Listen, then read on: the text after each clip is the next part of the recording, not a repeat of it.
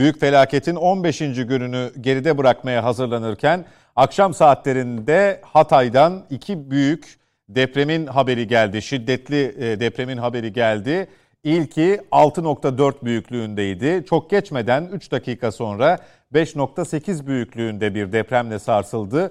Hatay ve çevresi ilk depremin merkez üssünün Defne ilçesi, ikincisinin ise Samandağ olduğu açıklandı. Ee, yine geniş bir alanda hissedildi deprem. Hatay başta olmak üzere, bazı ilçeleri başta olmak üzere çevre illerde de yine bu depremin hissedildiğine dair e, önemli bilgiler var. Vatandaşlar panik halinde yine dışarıya çıkmış durumdalar. Hatay'da TVNet ekibinden Sevda Bozboğa, Gaziantep'te ise Zuhal Ketir var. Ee, önce Hatay'a aslında Sevda'dan e, sözü almıştık, yarım kalmıştı. Bize bir toparlasın. Ee, bulunduğu bölgede belki çok hissedilmedi ama Defne ilçesine yakın yerlerde Kırıkan'dan aldığımız bilgiler var Sevda. Ee, yarı enkaz halindeki yapıların tamamen çöktüğü hatta bazı binaların da yıkıldığına yönelik. Sana böyle bir bilgi geldi mi? Senin bulunduğun yerde e, vatandaşların durumu ne? Aktarıyoruz aslında o sarsıntının yaşandığı dakikalardan bu yana ama bir toparlar mısın bize e, 20.03'ten 07'den bu yana olanları? by one.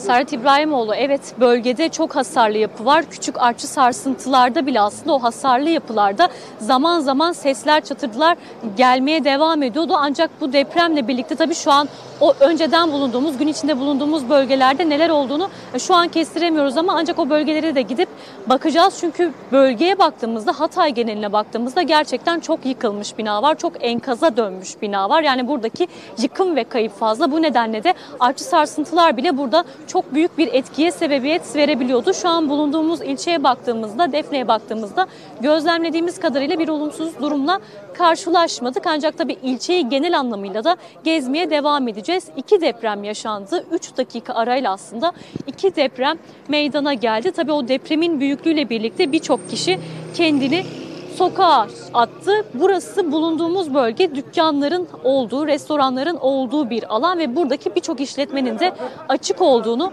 belirtebiliriz. Burada hayat aslında gün içinde normal akışında diğer ilçelere nazaran devam ediyordu. Ancak o depremin şiddetiyle birlikte işte burada da birçok kişi dışarı çıktı. Burada paniğin, korkunun, endişenin hala devam ettiğini belirtebiliriz. Deprem Defne merkezde 6,4 büyüklüğü olarak açıklandı AFAD tarafından. Ardından 3 dakika sonra ise 5,8 büyüklüğünde bir deprem daha meydana geldi. Çok geniş bir alanda hissedildi. Suriye, Mısır ve Lübnan'da dahi işte bu deprem hissedildi. 5,8'lik depremin derinliği ise 7 kilometre olarak kaydedildi. Tabi AFAD tarafından uyarıda bulunuldu. Çünkü birçok hasarlı yapı var. O hasarlı yapılara girilmemesi konusunda uyarı yapıldı. Bölgedeki hasarlı yapılara kesinlikle girmeyin, riskli binaların çevresinde bulunmayın ifadeleri kullanıldı. Şu an bulunduğumuz bölgeye baktığımızda bizim bulunduğumuz cadde içerisinde yani yıkık bir binayla bu zamana kadar aslında karşılaşmadık.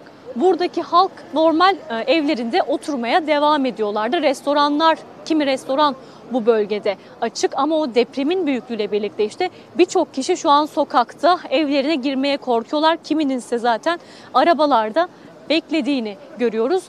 Bölge geniş, depremin hissedildiği alan geniş, birçok yerde hissedildi. Biz yaklaşık bir haftadır buradayız ve bir hafta boyunca evet birçok sarsıntı hissettik. Artçı sarsıntılar çünkü sürekli devam ediyor. Ancak e, düşük olan artçı sarsıntılar bile burada çok şiddetli bir şekilde hissedilebiliyor. Geldiğimizden bu yana da ilk kez bu kadar yüksek büyüklükte bir sarsıntıyı hissettik. 6,4 olarak bu depremin büyüklüğü açıklandı. Aradan yaklaşık sadece bir 3 dakika geçtikten sonra ikinci bir deprem daha meydana geldi. Onun da büyüklüğü 5,8 olarak açıklandı ve 7 kilometre derinlikte olduğu kaydedildi. Tabii şu an Köylerde durum ne tam olarak kestiremiyoruz çünkü köylerde yıkım da çok fazlaydı. Özellikle Hatay'ın Antakya ilçesi olsun, oraya bağlı köyler olsun o bölgede yıkım çok fazlaydı. Ayakta sağlam bir yapı neredeyse görmemiştik. Hafta boyunca da zaten ekranlarınıza getirmiştik oradaki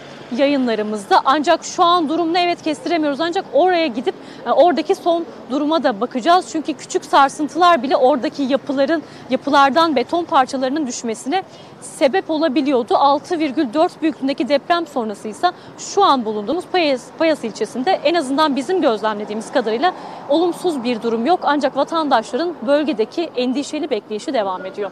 Hatay'da merkez başta olmak üzere ilçelerde valilik tarafından, AFAD tarafından yapılan açıklamalarda ihbarların değerlendirileceği bilgisi, hızlıca değerlendirildiği bilgisi paylaşılmıştı. Sevda'nın bulunduğu bölgede çok ciddi bir sorun şu an itibariyle yok ama incelemelerin, araştırmaların devam ettiğini söyleyebiliriz. Geniş bir alanda yine e, hissedildiğini söylemiştik depremin. Onlardan biri de Gaziantep. Gaziantep'te TVNet ekibinden Zuhal Ketir var.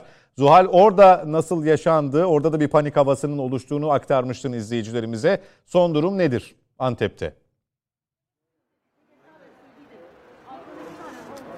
Evet Serhat İbrahimoğlu Hatay'da meydana gelen 6,4 ve 5,8 büyüklüğündeki deprem Gaziantep'in Şehit Kamil ilçesinde de hissedildi.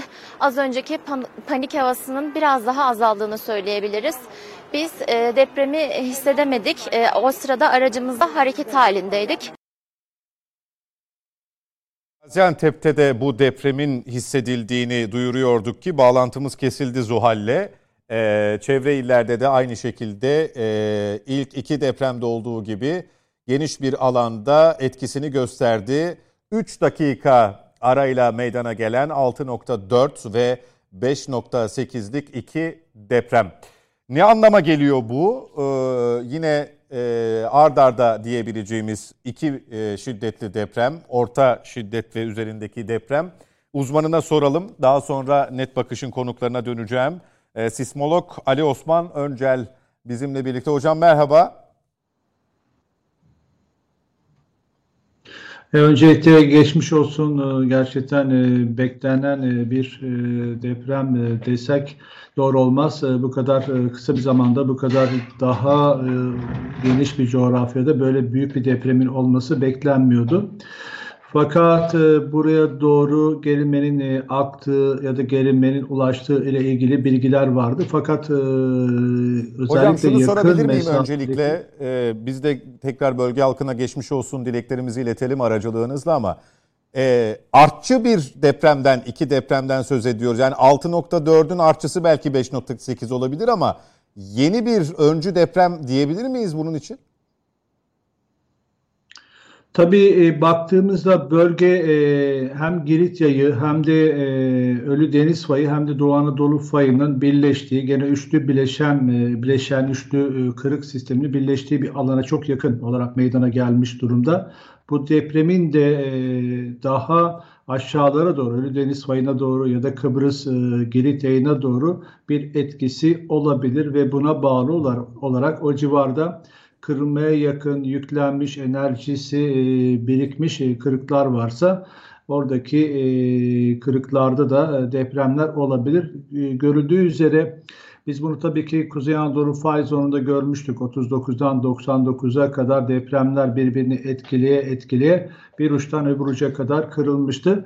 Burada da kırılmanın ülkemizin Pazarcık ve Erbistan bölgesinden başlayarak daha güneye Ölü Deniz fayına doğru ve e, Girit yayına doğru e, ilerlediğini e, görüyoruz. Özellikle artçı şokların bu tarafa doğru yığılması da enerjinin bu tarafa doğru aktığını ve buradaki riskin bu enerjiye bağlı olarak da bir büyük depremle çıkabileceği noktasında endişelerimizi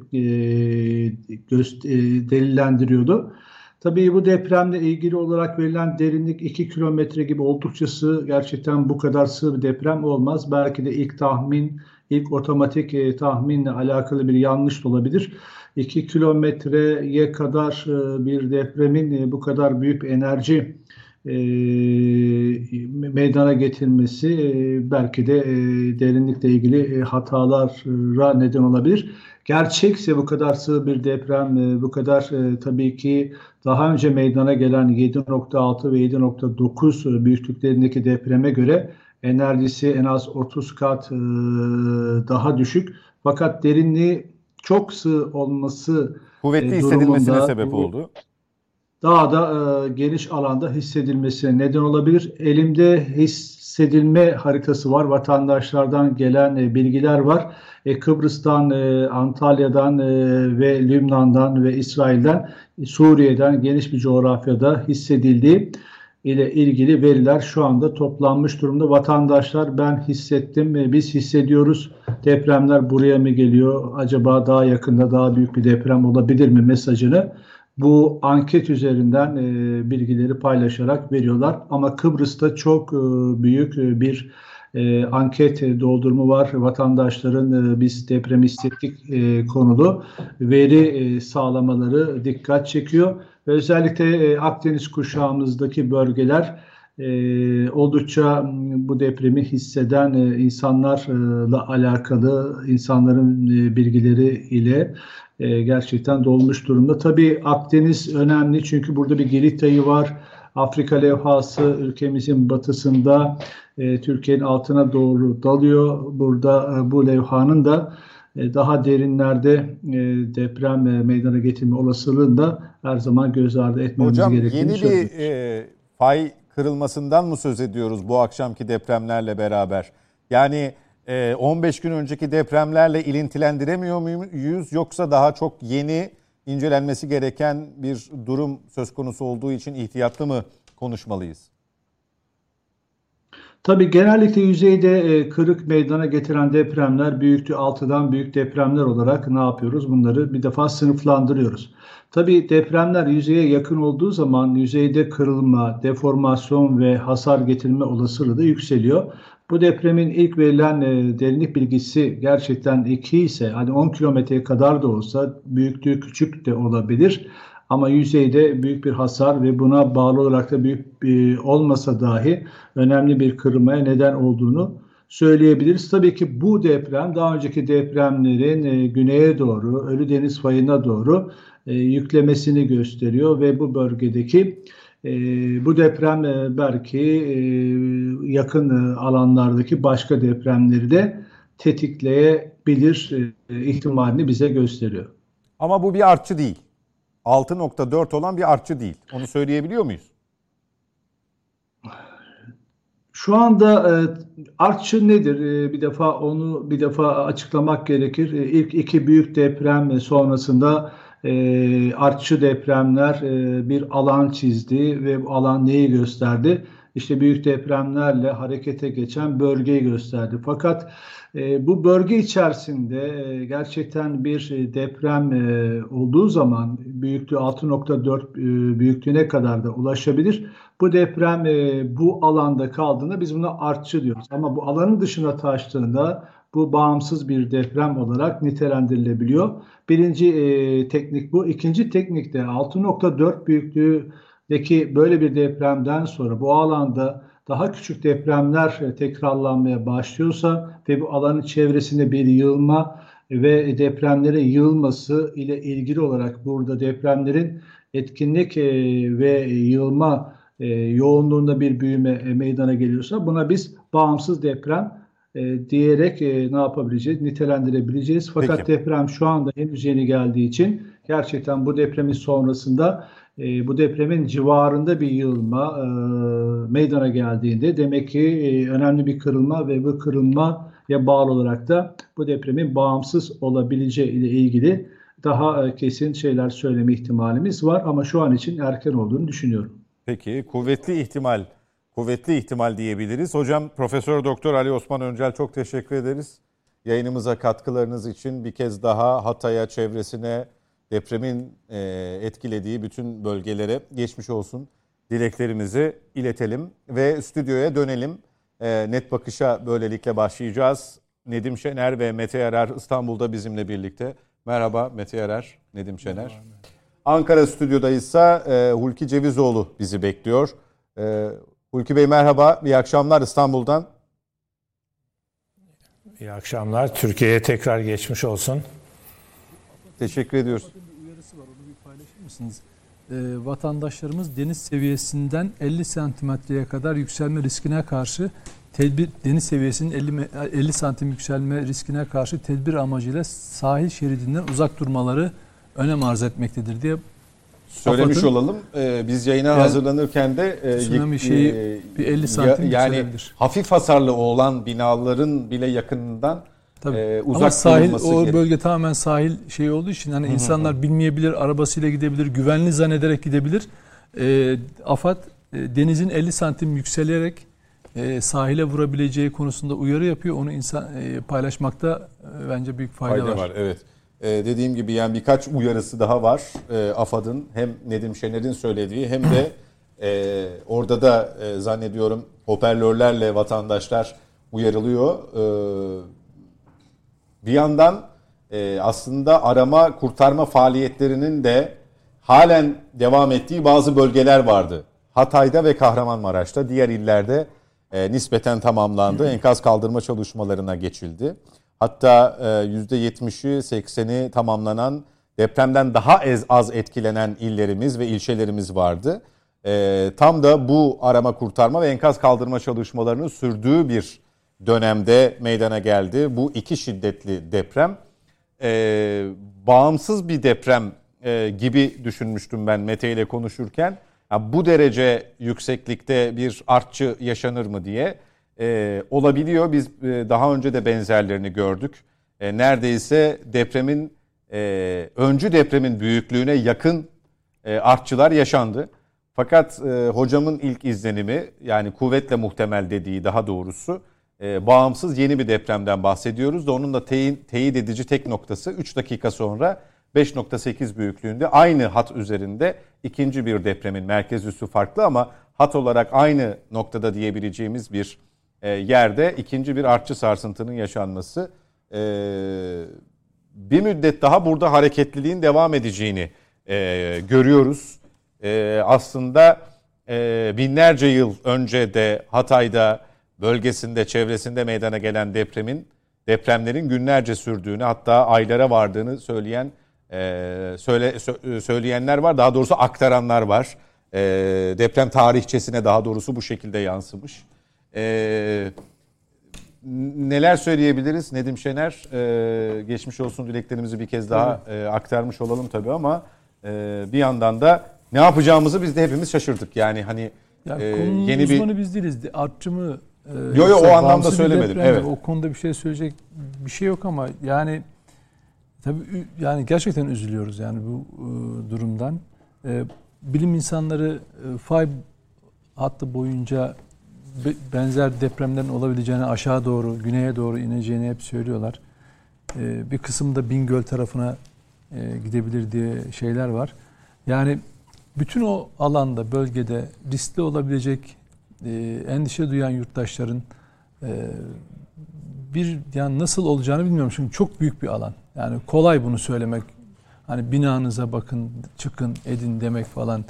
Deprem olmayan bölgede de bunları yapım demek çok kolay ama e, ne maddi imkanlar ne fizik koşullar buna el verecek gibi değil. Bilmiyorum yani geçmiş olsun diyeyim elimizden ne geliyorsa yapacağız. Yani bu maalesef bizim e, deprem e, kaderimiz ama bu yıkıntının altında kalmak kaderimiz olmayabilirdi. Bu ana kadar yapılacak, alınacak önlemlerle ama maalesef yaşıyoruz yani. Evet ben her seferinde e, oradaki tabi ateş düştüğü yeri yakıyor. E, gittik gördük, e, şahitlik ettik ama e, o acının gerçek sahipleri halen enkazın başında e, Anlaşıl, umudunu yitirmeyenler evet. bir yandan da artık e, kaybettiysek de o yakınımızı cenazesine ulaşabilelim. Evet. Hiç değilse diyenler. Çünkü e, birçok kayıp ilanı e, kendisinden haber alınamayan birçok kişi de var. Yine deprem bölgelerinde dönüp dolaşıp e, İstanbul depremini, Marmara depremini düşünüyorum. Düşünmek istemiyorum aslında doğrusu bu.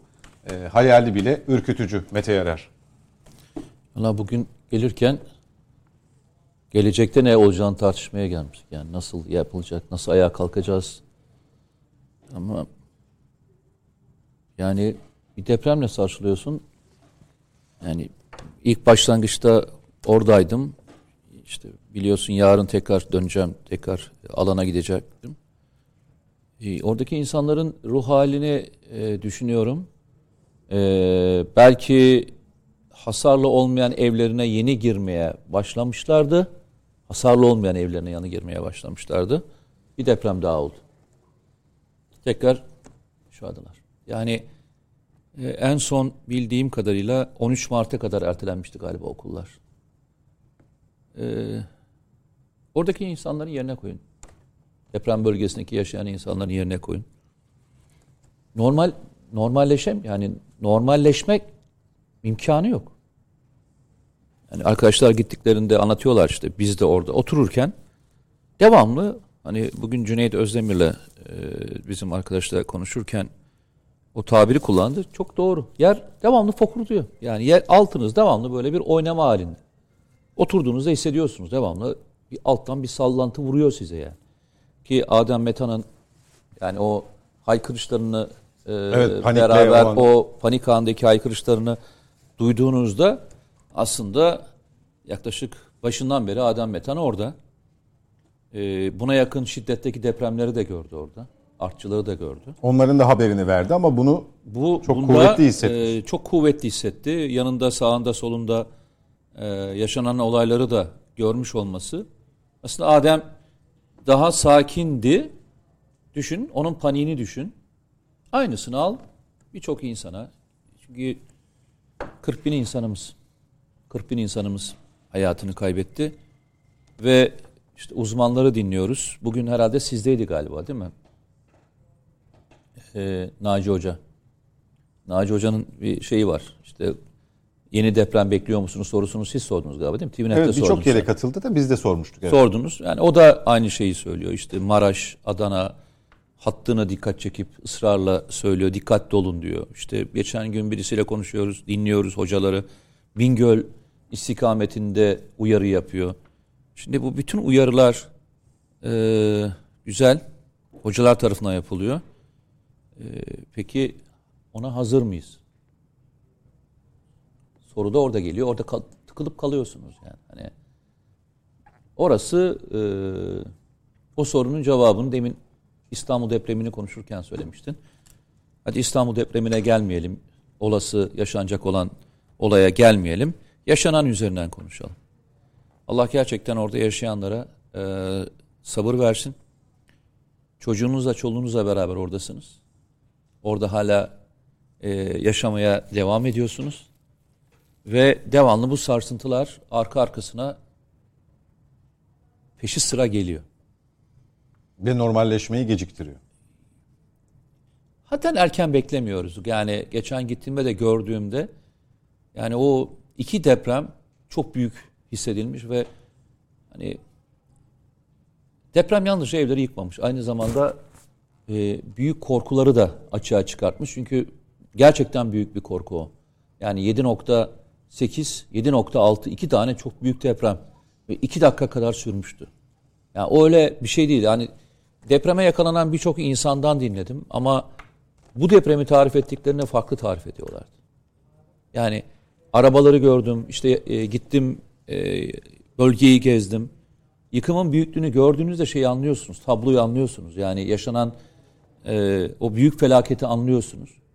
Ama o felaket yalnızca evlerde de hasar değil, yalnızca ruh- ruhlarımıza da sıkıntı yarattı. Yani o korku kolay bir korku değil, onu söyleyeyim. Herkes, herkesin içerisinde evladı var, çocuğu var, kendisi var, canlar var. Ee, hepsine tekrar çok geçmiş olsun diyorum. Gerçekten çok geçmiş olsun. Çok zor. Peki. Çok zor.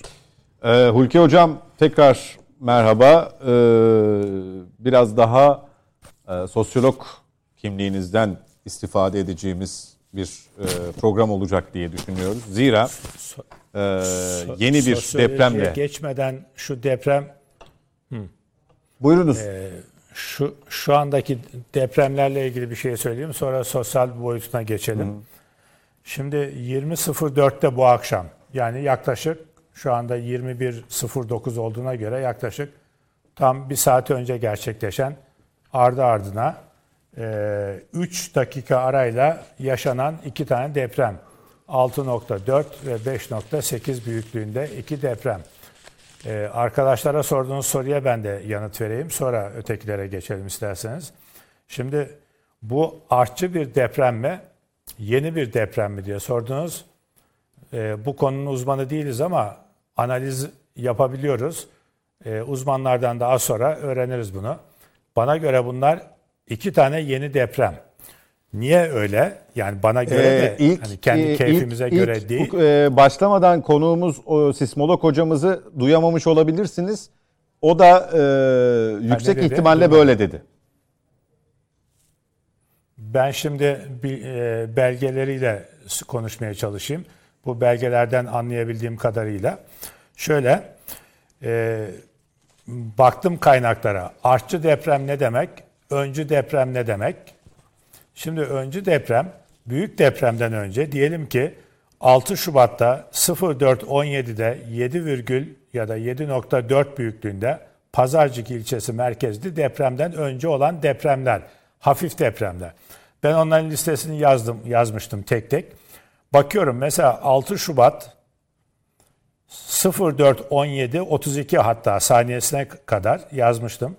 7.7'den önce hangi büyüklükte deprem olmuş? Öncü deprem. 0 nok- e, 0.44'te sabaha karşı 0.44'te 0.9 yani bir bile değil 0.9 büyüklüğünde deprem oluyor. Bunlar öncü depremler.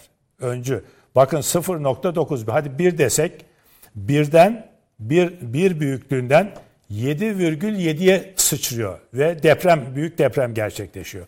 Şimdi bugün bir saat önce altyazıda da gör- görüldüğü gibi 6,4 ve 5,8 büyüklüğündeki depremlerin artçı değil de yeni deprem olduğunu neye göre söylüyorum? Elimde e, buldum listesini. Şu anda bugün 20 Şubat'tayız. 20 Şubat 2023. Ee, 6,4'ten önceki depremler büyüklükleri 1.6, 2.1, 3.2, 1.7, 1.4, 2.4, 1.4, 1.5, 1.1 gibi gidiyor. Yani küçük oranda. Ner- Neredeyse Çoğu hissedilmeyecek oranda. derecede. Bunların arka Tabii yani 3 3'ü 3'ü 4'ü bile hissedemiyoruz aslında. 3'ü 4.5'u hissedemiyoruz. Şimdi cihazlar hissediyor da yani insanın hissiyatını söylüyorum. 6,4 büyüklüğünde olduğu zaman öncesine bakıyoruz. Öncesinde de hani buna yakın olacak ki artçı olsun. Bu en son bizim ikiz depremler diyoruz ya 6 Şubat depremlerine. İkiz depremler 4 sabah 04.17'de 7,7 9 saat sonra saat 13.24'te 7,6 büyüklüğünden sonra bu kadar büyük şey olmuyor. Az önce okuduğum gibi birlerde ikilerde hissedemeyeceğimiz ölçülerde gidiyor. O yüzden bana göre bana göre bunlar iki tane ard ardına gelen ve 3 dakika arayla gerçekleşen iki yeni deprem.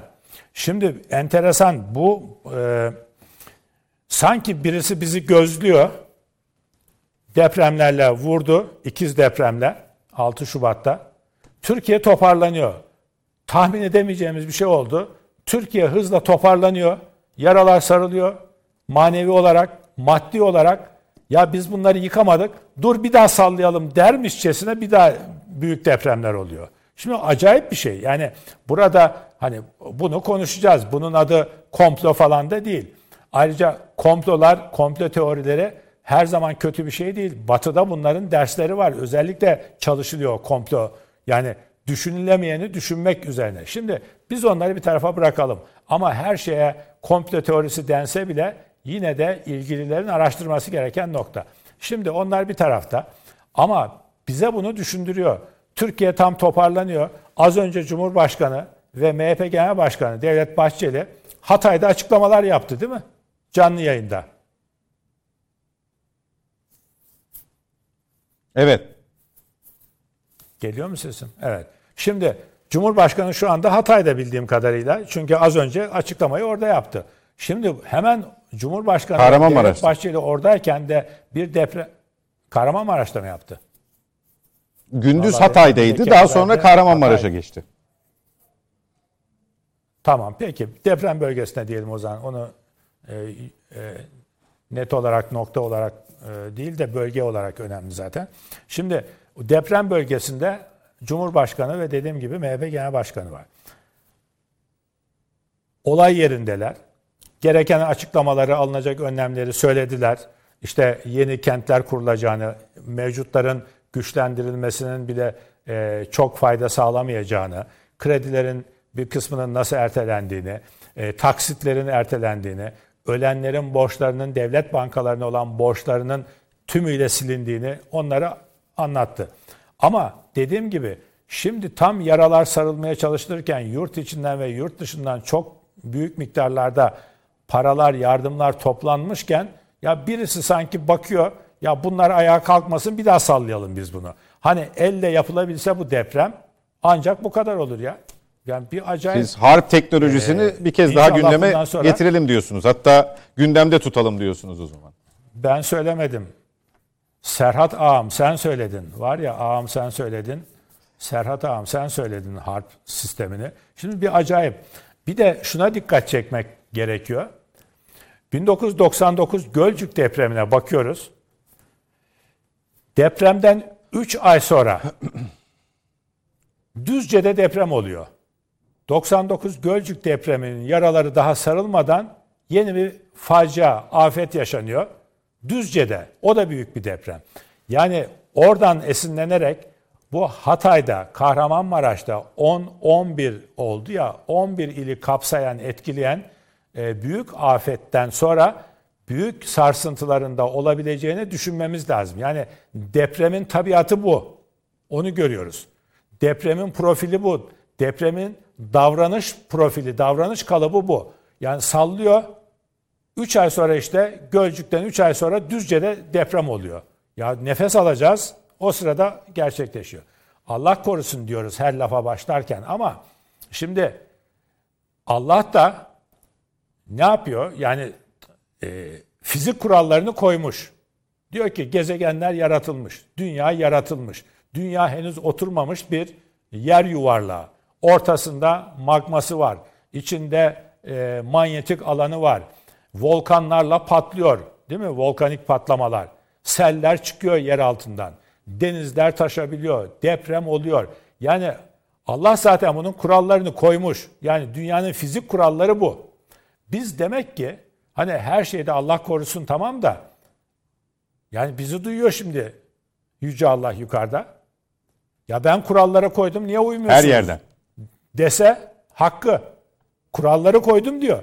Yani o zaman bizim bilimimiz de bu fay hatlarını tespit edebildiğine göre yerleşim yerlerimizi ona göre ayarlamalıyız.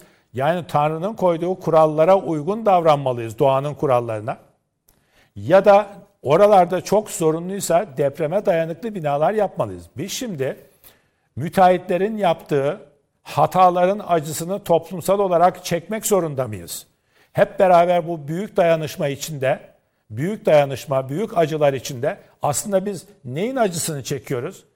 Deprem olsaydı, yani oldu ya 7,7 ve bir tane ev yıkılmasaydı ağlamayacaktık, üzülmeyecektik, canlarımız kayıp yok olmayacaktı değil mi?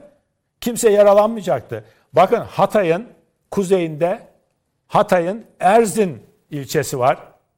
Bir tane ev yıkılmamış. Bir tane kişi ölmemiş. Erzin Hatay'ın içinde. Yukarıda kuzeyinde onun Erzin'in gözümün önünde harita. Erzin'in yukarısında e, kuzey doğusunda e, Osmaniye var. Orada hasar büyük. Kuzey doğusunda ise Adana var. Orada biraz daha az ama yani tam deprem bölgelerinin ortasında bir Hatay ilçesi Erzin. Bir tane bina yıkılmaz mı? Yıkılmamış. Şimdi burada bu depremin merkezi olan yerlerde de 14 10, 15. gündeyiz bugün. 15 gündür görüyoruz. Yani son günlerde gördük aslında. Züccaciye dükkanında bir tane kırılmayan, bir tane kırılan eşya yok. Bugün ve dün yine bir avize dükkanı, değil mi? Şıngır şıngır sallanıyor yukarıda. Bir tane avize yere düşmemiş. Yani olmayınca yıkılmayacak, yıkılmayacak, e, yıkılmasın diye önlem aldığınız zaman ya ağlamamıza gerek kalmıyor. Can kaybına gerek kalmıyor. Biz şimdi Tanrı deprem verdi diye ağlamıyoruz ki Serhat Bey ya. Bu binalar bizi öldürdü diye. Bu Orada da orada da şöyle bir şeye dönüşüyor. Siz Özellikle yapmadınız. sosyal medyada sizin de müşahede ettiğiniz Ne şekliyle Sayın Cevizoğlu. Ee, yani benim yaptığım bina çökmedi, senin yaptığın bina çöktü kavgasına tutuşuyoruz. Ee, işte böyle yaparsan işte olmazdı falan gibi bir takım şeyler söylüyoruz. Yaradan katında da Yanlış e, şunu peki? hiçbir zaman unutmayacağız. Yani sizin de altını çizdiniz. Önce tedbir, çokça tedbir, sonra tevekkül. Ee, bu, bu buradan uzaklaştıkça aslında sadece doğal afetler bazında değil, her şeyde bunu konuşabiliriz. Her şeyde bu tedbirsizliği konuşabiliriz. Ama senin yardımın, benim yardımım E, kavgasına nasıl tanıklık ediyorsak sizin ayrı söylediğiniz şekliyle e, ben benim partimin belediyesi bunu bu şekilde yaptı. Dolayısıyla e, seninki böyle yapmadığı için yıkıldı. E, bunu bu kavgadan sıyırıp particilikten, e, müteahhitçilikten belli bir standarda kavuşmadığımız, e, kavuşturmadığımız müddetçe biz bunu daha yıllarca konuşuruz diye düşünüyorum. Evet doğru. Onun için partizanlık yapmamak gerekiyor. Çünkü burada CHP'li, AKP'li belediye kavgasını iktidar çıkarmıyor. İktidar çıkarmıyor bunu. O zaman siz seçimler öncesi bunu siyasete malzeme yapmayacaksınız bu kadar 42 bin civarındaki can kaybını ve henüz e, miktarını bilemediğimiz orandaki maddi kayıpları siyaset konusu yapmayacaksınız. Kenarından, ucundan, orasından, burasından öyle böyle çekiştirerek yapmıyormuş gibi yaparak alet etmeyeceksiniz siyasete bunu. Yani CHP'li belediyelerde de var, AKP'li belediyelerde de var hasar. E, bazıları da yeni belediye başkanı oldu işte 4 yıldır. Binaların çoğu daha önceki başka bir partinin döneminde yapılmış. Yani bunu ayırt etmek zor. Önlem alıp almamak ama en son zamanlarda da e, aslında girmeyelim oraya. Demin verdiğim örnekler buna cevap. Peki. Züccaciye dükkanında bir tane eşya kırılmamışken senin benim partim olmaz. Yani sağlam yaparsan fizik kurallarına uyarsan bir şey olmuyor. Trafik kazasında ölümlerde dünya birincisiydik. Önlem aldık. Trafik kazalarını unuttu Türkiye. Dünya birincisiydik ölümlerde. E depremleri de olağan karşılamamam. Yani depremler olağan da depremlerdeki ölümleri olağan karşılamamamız gerekiyor artık. Bunu da öğrenmemiz Kim lazım. tedbir alacaksa alacak. Bunu evet. Peki. Ee, devam edeceğiz. Nedim Şener'e bir sorayım. Müteahhitlerden bahsetti Hulki Cevizoğlu. Bir yandan da tabii biz e, yaraları sararken, yeni depremlerle de karşılaşıyorken e, 99 depreminde de ikonik şekilde müteahhitler e, işte ismi malum e, sonra yakalandı, kaçtı sonra yakalandı, cezasını çekti falan ama e, vefat etti galiba sonra da. E, is- ismini şimdi e, Veli ver- Göçer. vermeyeyim. Evet. Vefat etti. E, bilmiyorum hayatta mı? Vefat etti değil mi Hulki Bey? Etti etti. Evet. Şimdi sadece mesele müteahhit mi? Şimdi bu soruyu e, neden soruyorum? Çünkü yapı denetim mekanizması bu işin ruhsatlandırma aşamaları e, belediyelerin de tabii e, ciddi şekilde e, müdahil olduğu müteahhit neticede e, onun projelendirildikten sonraki kısmın inşa aşamasında boyutunda yer alıyor ve o standartlara göre o yapıyı inşa etmek zorunda. Standart sapması denetimsizliği. Pardon, Veli, Göçe- Veli Serhat Bey. Buyurun. Pardon. Yanlış bir şey söyledik galiba demin. Veli Göçer ölmemiş. 1949 doğumluymuş. 74 yaşında diye yazıyor kaynaklar. Evet ben, öldü öyle kalmış aklımda. Yani evet Allah selamet versin. Peki e, biz sadece bunu e, bu- bunu düşünerek yani suçluyu bulduk e, müteahhittir. Bunu yapan işte müteahhitlik firmasıdır. Neyse kurumsal da olsa yapı. Buradan ilerliyoruz. Yanlış burada başlamıyor mu sence? Bu bütüncül bir şey değil mi? Yani Zaten e, sadece Adalet müteahhiti mi zaten Adalet Bakanı Bekir Bozdağ'ın yaptığı bir açıklama var. Bu zincirleme bir suç. E, en aşağıda müteahhit bunun satışını yapan ve onun e, finansmanını yapan kişiden e, mühendisliğini yapan kişiye yapı denetimine imar konusuna kadar İznine. altı tabii altı kademeli e, bir piramit çizdi. Yani suç suçlular zinciri çizdi. Şimdi e, şu anda müteahhitler gözaltına alınıyor. Bir kısmı serbest bırakılıyor. Bir kısmı Bazıları firari. E, ama sonraki zincirin diğer halkaları da e, eklenince o suçlama şeyini göreceğiz. Bu olayın nasıl? Bunun bir tek kurbanı var. Oradan bu insanlara bu yasanın verdiği imkanlarla bunları yapanlara güvenen ve hayatında hayatı boyunca yaptığı birikimi bu evler için harcayan insanlarımız 40 bini aşmış e, insanımızdan bahsediyoruz. 100 binden fazla yani milyonlarca insan evini yurdunu terk etmek zorunda kaldı. Bunun gibi insanlar yüzünden. Dolayısıyla bu öyle bir noktaya gel yani bu e, hani işte e, fay hareketleri, deprem bize her dakika her şekilde bir hatırlatma yapıyor. Şimdi biz buna ilişkin yapı sistemini e, yasal düzeyde güçlü kılacak her adımı atıyoruz. İki, özellikle 99 depreminden sonra e, bununla ilgili yönetmelikler, yasalar sıkça değiştirilmiş e, ve belli bir şeye gelmiyor. Dünya standartında olduğu söyleniyor uzmanlar tarafından. E, peki bunu uygulayıcılar?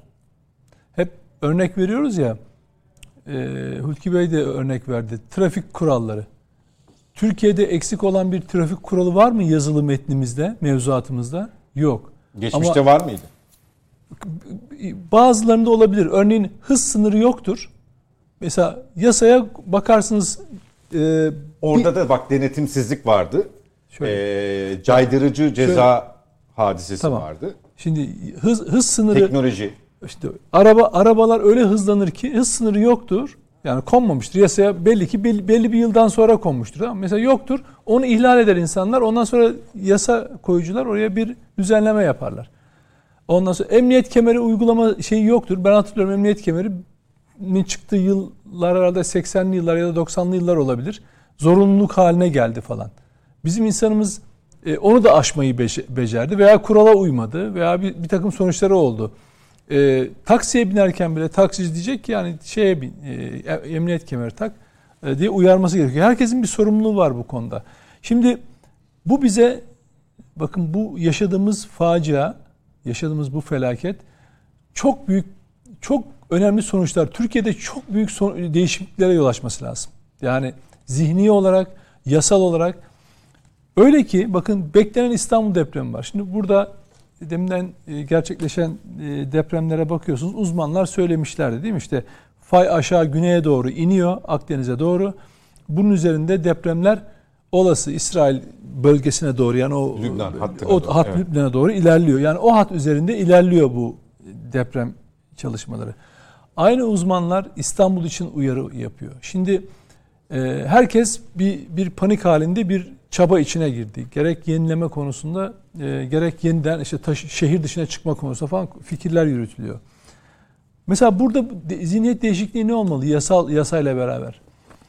Müteahhit müteahhit oldu müteahhitlik yapan kişi bu hani Adalet Bakanı'nın saydığı zincir var ya işte e, yapı denetim e, imara izin veren mühendisi, mimar işte kimse her, buradaki sorumlular, bu işe imza atan sorumlular her kimse Bunlar bunların yaratacağı sonuçlar. Yani depremden depremle beraber bir yıkım olduğunda insan hayatını kaybettiğinde bu insanlar tahammüden ölüme sebebiyet vermekten yargılanacak yasal düzenlemeler haline getirmeniz lazım. Hani hep örnek veriyoruz ya Japon müteahhit ya da mühendis kendi yaptığı hatadan dolayı insan e, hayatını kaybederse harakiri yapıyor. İşte inşaatın oraya girip harakiri yap diye örnekler veriliyor. İşte bunu Türkiye'de harakiri falan demiyorum ama ölüme sebebiyet vermekten ceza işlem yapacaksınız. Yani sen müteahhitlik yaparken, mühendisi olarak imza atarken, e, denetim yaparken bu bina eğer zarar görürse ben ölüme sebebiyetten yararlanabilirim diye bugünden onun yasasının değişmesi lazım. Çünkü şu an yani eğer bunu yasaya işte gerekiyorsa anayasaya nasıl konacaksa bilmiyorum ben. Hukukçular onu konuşsunlar ama bu bizde çok ciddi kök değişiklikler yapması lazım. Şimdi bakın İstanbul, beklenen İstanbul depremi daha gerçekleşmedi değil mi? Henüz daha gerçekleşmedi. Ama bizim bilim insanlarından başka aktörlere kadar kavgasını kavgasına tutuştular. Tıpkı şu yaşadığımız deprem gibi. Peki şöyle kabaca sadece daha 2009'da yapılmış, 2019'da sadece güncellenmiş İstanbul Belediyesi'nin bir raporu var. 2009'da ee, yapılmış, 2019'da güncellenmiş. Şimdi yenileniyor o. Ama nasıl yenileniyor? Yapı stoku üzerinden, yapı stokları üzerinden rakamların güncellenmesi, arttırılması şeklinde ilerleyecek. Şimdi o, o rapor bile diyor ki 2000 öncesi yapılan binanın oranı yüzde yetmiş. Yani çoğunluğu yüzde yetmiş şeyden önce. Bakın, 99 depreminden sonra duruyor. Yani. Tabii tabii. Yani yüzde otuzu, yüzde otuzu yapılan yüzde otuzu 2000'den sonra inşa edilmiş binalardan oluşuyor. Geri kalanı o. Şimdi burada 100 bin binadan falan bahsediyoruz değil mi? Şu, şu son depremde tabii ağır hasarlar var. O tablo tamamen içerecek, gerçekleşecek.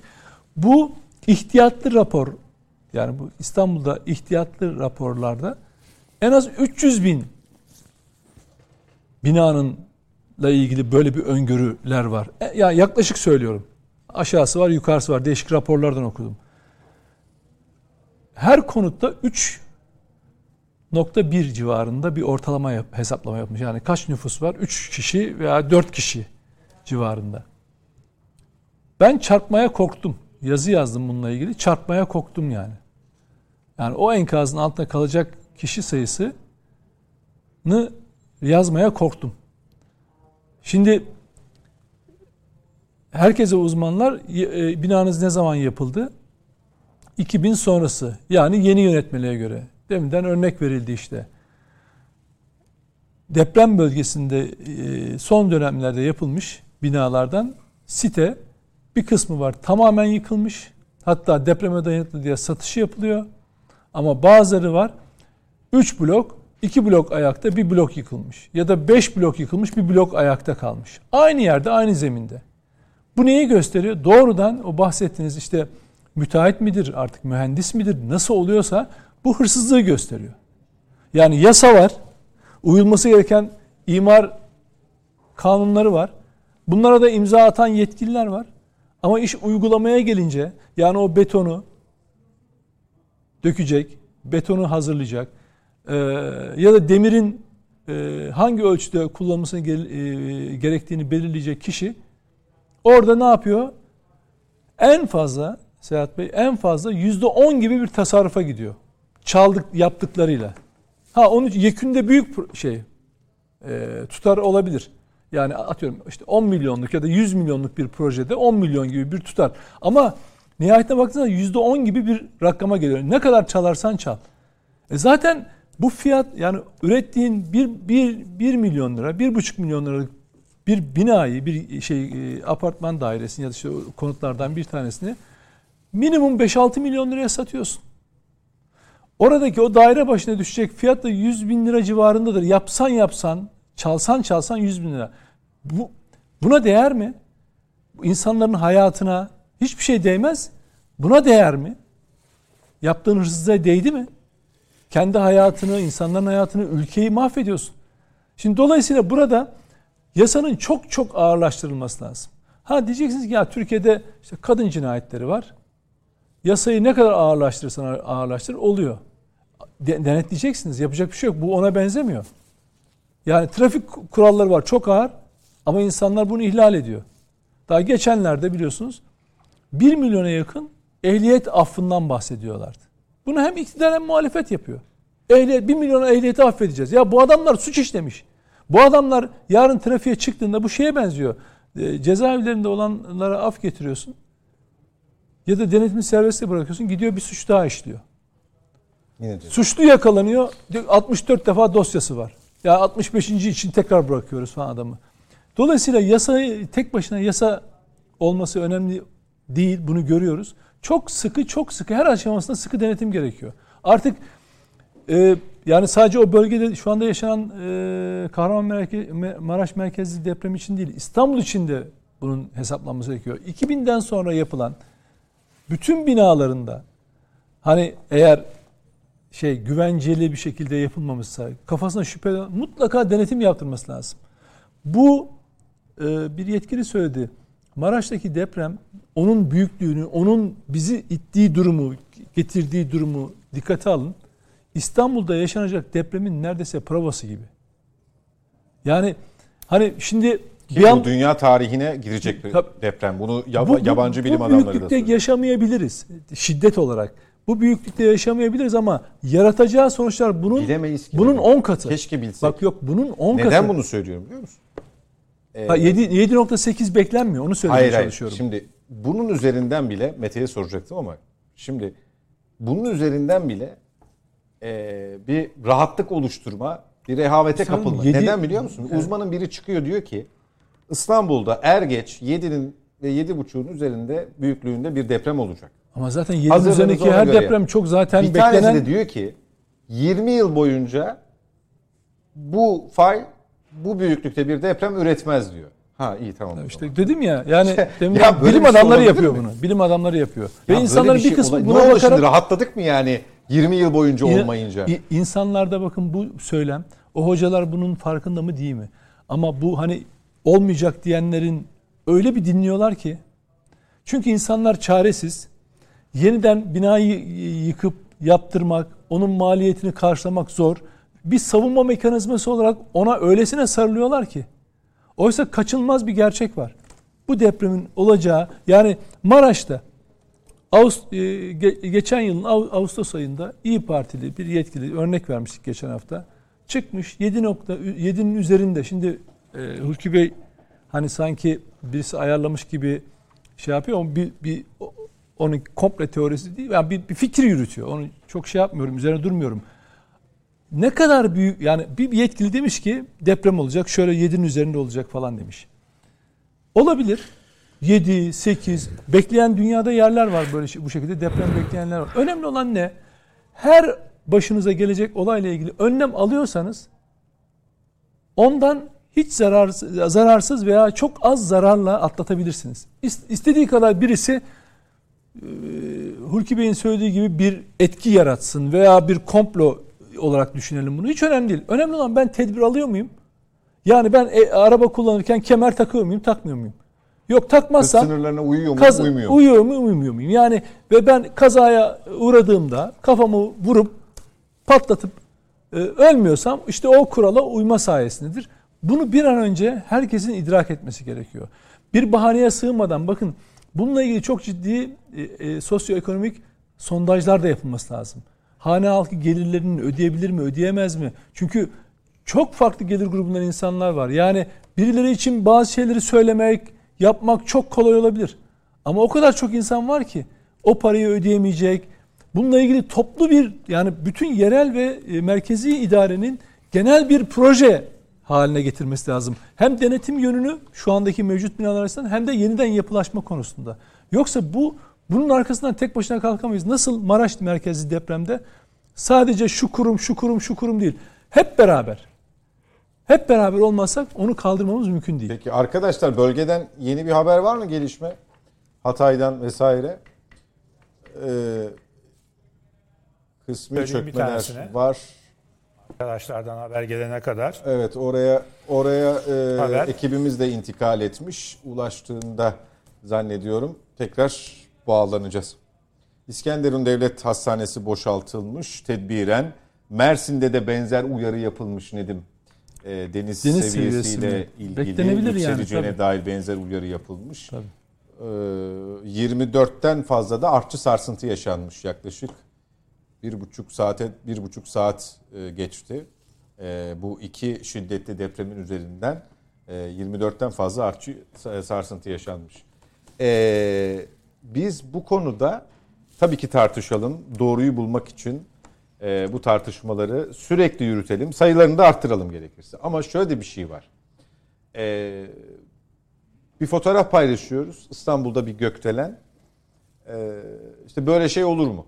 Ya o sıkça paylaşılanı Esenyurt'takini kastetmiyorum bu arada. Orada e, silüet e, konusunu da tartışacağımız bir şey var. Yani onca yapının arasında, alçak katlı yapının arasında onun o şekilde inşa edilmiş olması yani sadece e, deprem açısından değil birçok yani estetik açıdan da tartışılmalı. Ama diyelim ki Ataşehir. Galiba işte e, son 10 yılı göz önünde bulundurursak hani yüksek katlı olmayan yapı yok. Yani bu iş merkezinden tutun da e, konutuna kadar, site e, bazlı evlere kadar, iş yerlerine kadar. Böyle şey olur mu diye tartışma başlatıyoruz. Şimdi belki olası bir depremde o binanın statiği, bulunduğu bölge, bütün mühendislik çalışmaları kusursuz şekilde yerine getirildi ve o bina olası depremi en az hasarla atlatacak ya da hiç etkilenmeyecek. Ee, fakat İstanbul'un farklı ilçelerinde 99'dan beri söylenen kentsel dönüşümün bile e, daha başlangıcının yaşanmadığı birçok ilçesi, birçok semti var. Oradaki binaların neredeyse %80'i alçak katlı, 4-5 katlı ama büyük risk taşıyor. Bunu bile tartışamıyoruz aslında onu söylemeye çalışıyorum. Yani gökdelense mutlaka yıkılmalıdır kafasına geliyoruz ya. Bu da çok o, anlamsız öyle değil mi? Valla e, işin uzmanlarına sorup öğrenmeye çalışıyoruz biz de. Geçen gün bir Japon inşaat mühendisine e, sordum. Ben de birkaç soru sordum. Sorduğum sorulardan bir tanesi şuydu. E, dedim ki sizde çok katlı bina var mı? Dedi ki tabii ki var. Bizde dedi çok fazla alan yok. Alan olmadığı için biz çok fazla şey çok katlı bina yapmak zorundayız. Biz dedi bir ada devletiyiz. Nüfusumuz da az değil. Mecburiyetten yukarı doğru gitmek zorundayız. Yani yatay mimari yapamıyoruz. Peki dedim nasıl oluyor? Hani siz 9 nokta depremlere falan denk geliyorsunuz. Dedim ki bunun bilimi var. Bunun dedi çok katlıyla az katlıyla alakası yok. Bu, bunun bir bilimi var. Siz bu bilime göre yapacaksınız bunu. Sonra bize böyle birkaç madde söyledi. Ben kendisinden şeyi sordum. Sizin dedim müteahhitleriniz kaç tane müteahhitiniz var dedim. Yani Japonya'da kaç müteahhit var? Dedi binden az galiba. Bizde ne kadar müteahhit var biliyor musun? 400 bin üzerinde galiba yanlış hatırlamıyorsam. Dedim sizde müteahhitler, müteahhit olması için ne yapması gerekiyor birisine? Dedi ki bir defa müteahhit olması için ya inşaat mühendisi ya mimar olması gerekiyormuş. Sonra dedi ki herkes her katlı binayı yapamıyor dedi. Onun dedi bir lisansı var. Örnek vereyim dedi. Bir işte 50 katlı bir gökdelen yapabilmesi için en az 500 kişilik bir mimarlık ofisine sahip olan bir inşaat firması olması gerekiyor. Herkesin sertifikası ne kadar kategori kategori. Kategori kategori. Yani o bin kişi de öyle. Sonra devam etti. Dedi ki ya yanlış dedi bu müteahhite de kalmıyor bu iş. Yanlış anlamayın dedi. Bizim dedi ülkede dedi inşaat mühendisleri ve mimarlar okuldan mezun olduklarında dedi hemen dedi imza yapma yetkileri yoktur dedi. Ne yapıyorsunuz dedik. Dedi ki önce iki sene staj yapmak zorundalar dedi. Okul bittikten sonra. Orada işe imzalayamazlar dedi. İki senenin sonunda bir imtihana girerler dedi. O imtihanın zorluğunu size şöyle anlatayım dedi. 100 tane, 100 kişi girdi, 7 tanesi ancak geçer dedi o imtihanı. Yani 93 tanesi eleniyor ve okulu bitirmiş olmasına rağmen, staj yapmış olmasına rağmen şey alamıyorsun. Düşün. O belgeyi alamıyorsun. Sonra dedim neler oluyor? Adam anlattı. Yani işte esaslarını anlattı, yapıyı anlattı. Dedim bizim kanunlarımızda sizin kanunlarınız arasında çok farklılık var mı? Yok dedi. 2018'deki en son bu depreme dayanıkla ilgili kanun ilk defa dedi bizimle size eşitledi dedi. Yani şu anda da sizin dedi deprem yönetmeliğiniz 2018'de çıkan deprem yönetmeliği bizim Japonya'daki deprem yönetmeliği aynı dedi. Birebir aynıyız şu anda deprem yönetmeliğinde. Peki fark nerede geliyor? Şimdi fark Uygulamada. Ha, şimdi, şimdi olay oraya geliyor. Şimdi bugün yaşanan tabloyu e, insanlar yaşamıyorlar mıydı? Diyarbakır'da hayatını kaybeden vatandaşımız. Aşağıdaki marketin sütunları kestiğini görüyor. Mahkemeye veriyor. Avukat bir e, beyefendi. Ailesinden galiba 7 kişiyle falan beraber hayatını kaybetti. Mahkemeye veriyor. Diyor ki bu adam kolonları kesti. Altta market yapıyor. Bu bina yıkılır. 4 sene devam ediyor. Hatay'da yıkılan binanın 2016'da müteahhiti mahkemeye veriyor adamı. Soruşturmaya gerek yoktur diye beraat kararı veriyor. Bugün HSYK ya e, sanırım Bekir Bozdağ galiba açıklamış. E, soruşturmaya gerek yok diyen savcıyla ilgili soruşturma başlatmış. Şimdi siz yönetmeninizi yapsanız ne fark edecek ki? Eskiden anlatıyorlar işte bu konuşulanların içine baktığınızda. Ben e, olaydan sonra bölgeye gittiğimde Maraş'tan itibaren e, Hatay'a kadar ki o an fay hattını takip ettim. Yani şöyle bir şey yok ki. Hani e, depremde yeni binalar yıkılmadı, eski binalar yıkıldı. Yani depremde yeni binalar belki şey yapmamış. Hani tamamen çökmemiş. Tamamen çökenleri de gördüm. Onu söyleyeyim sana. Ama oturulacak durumda değil hiçbiri. Oturulacak durumda değil.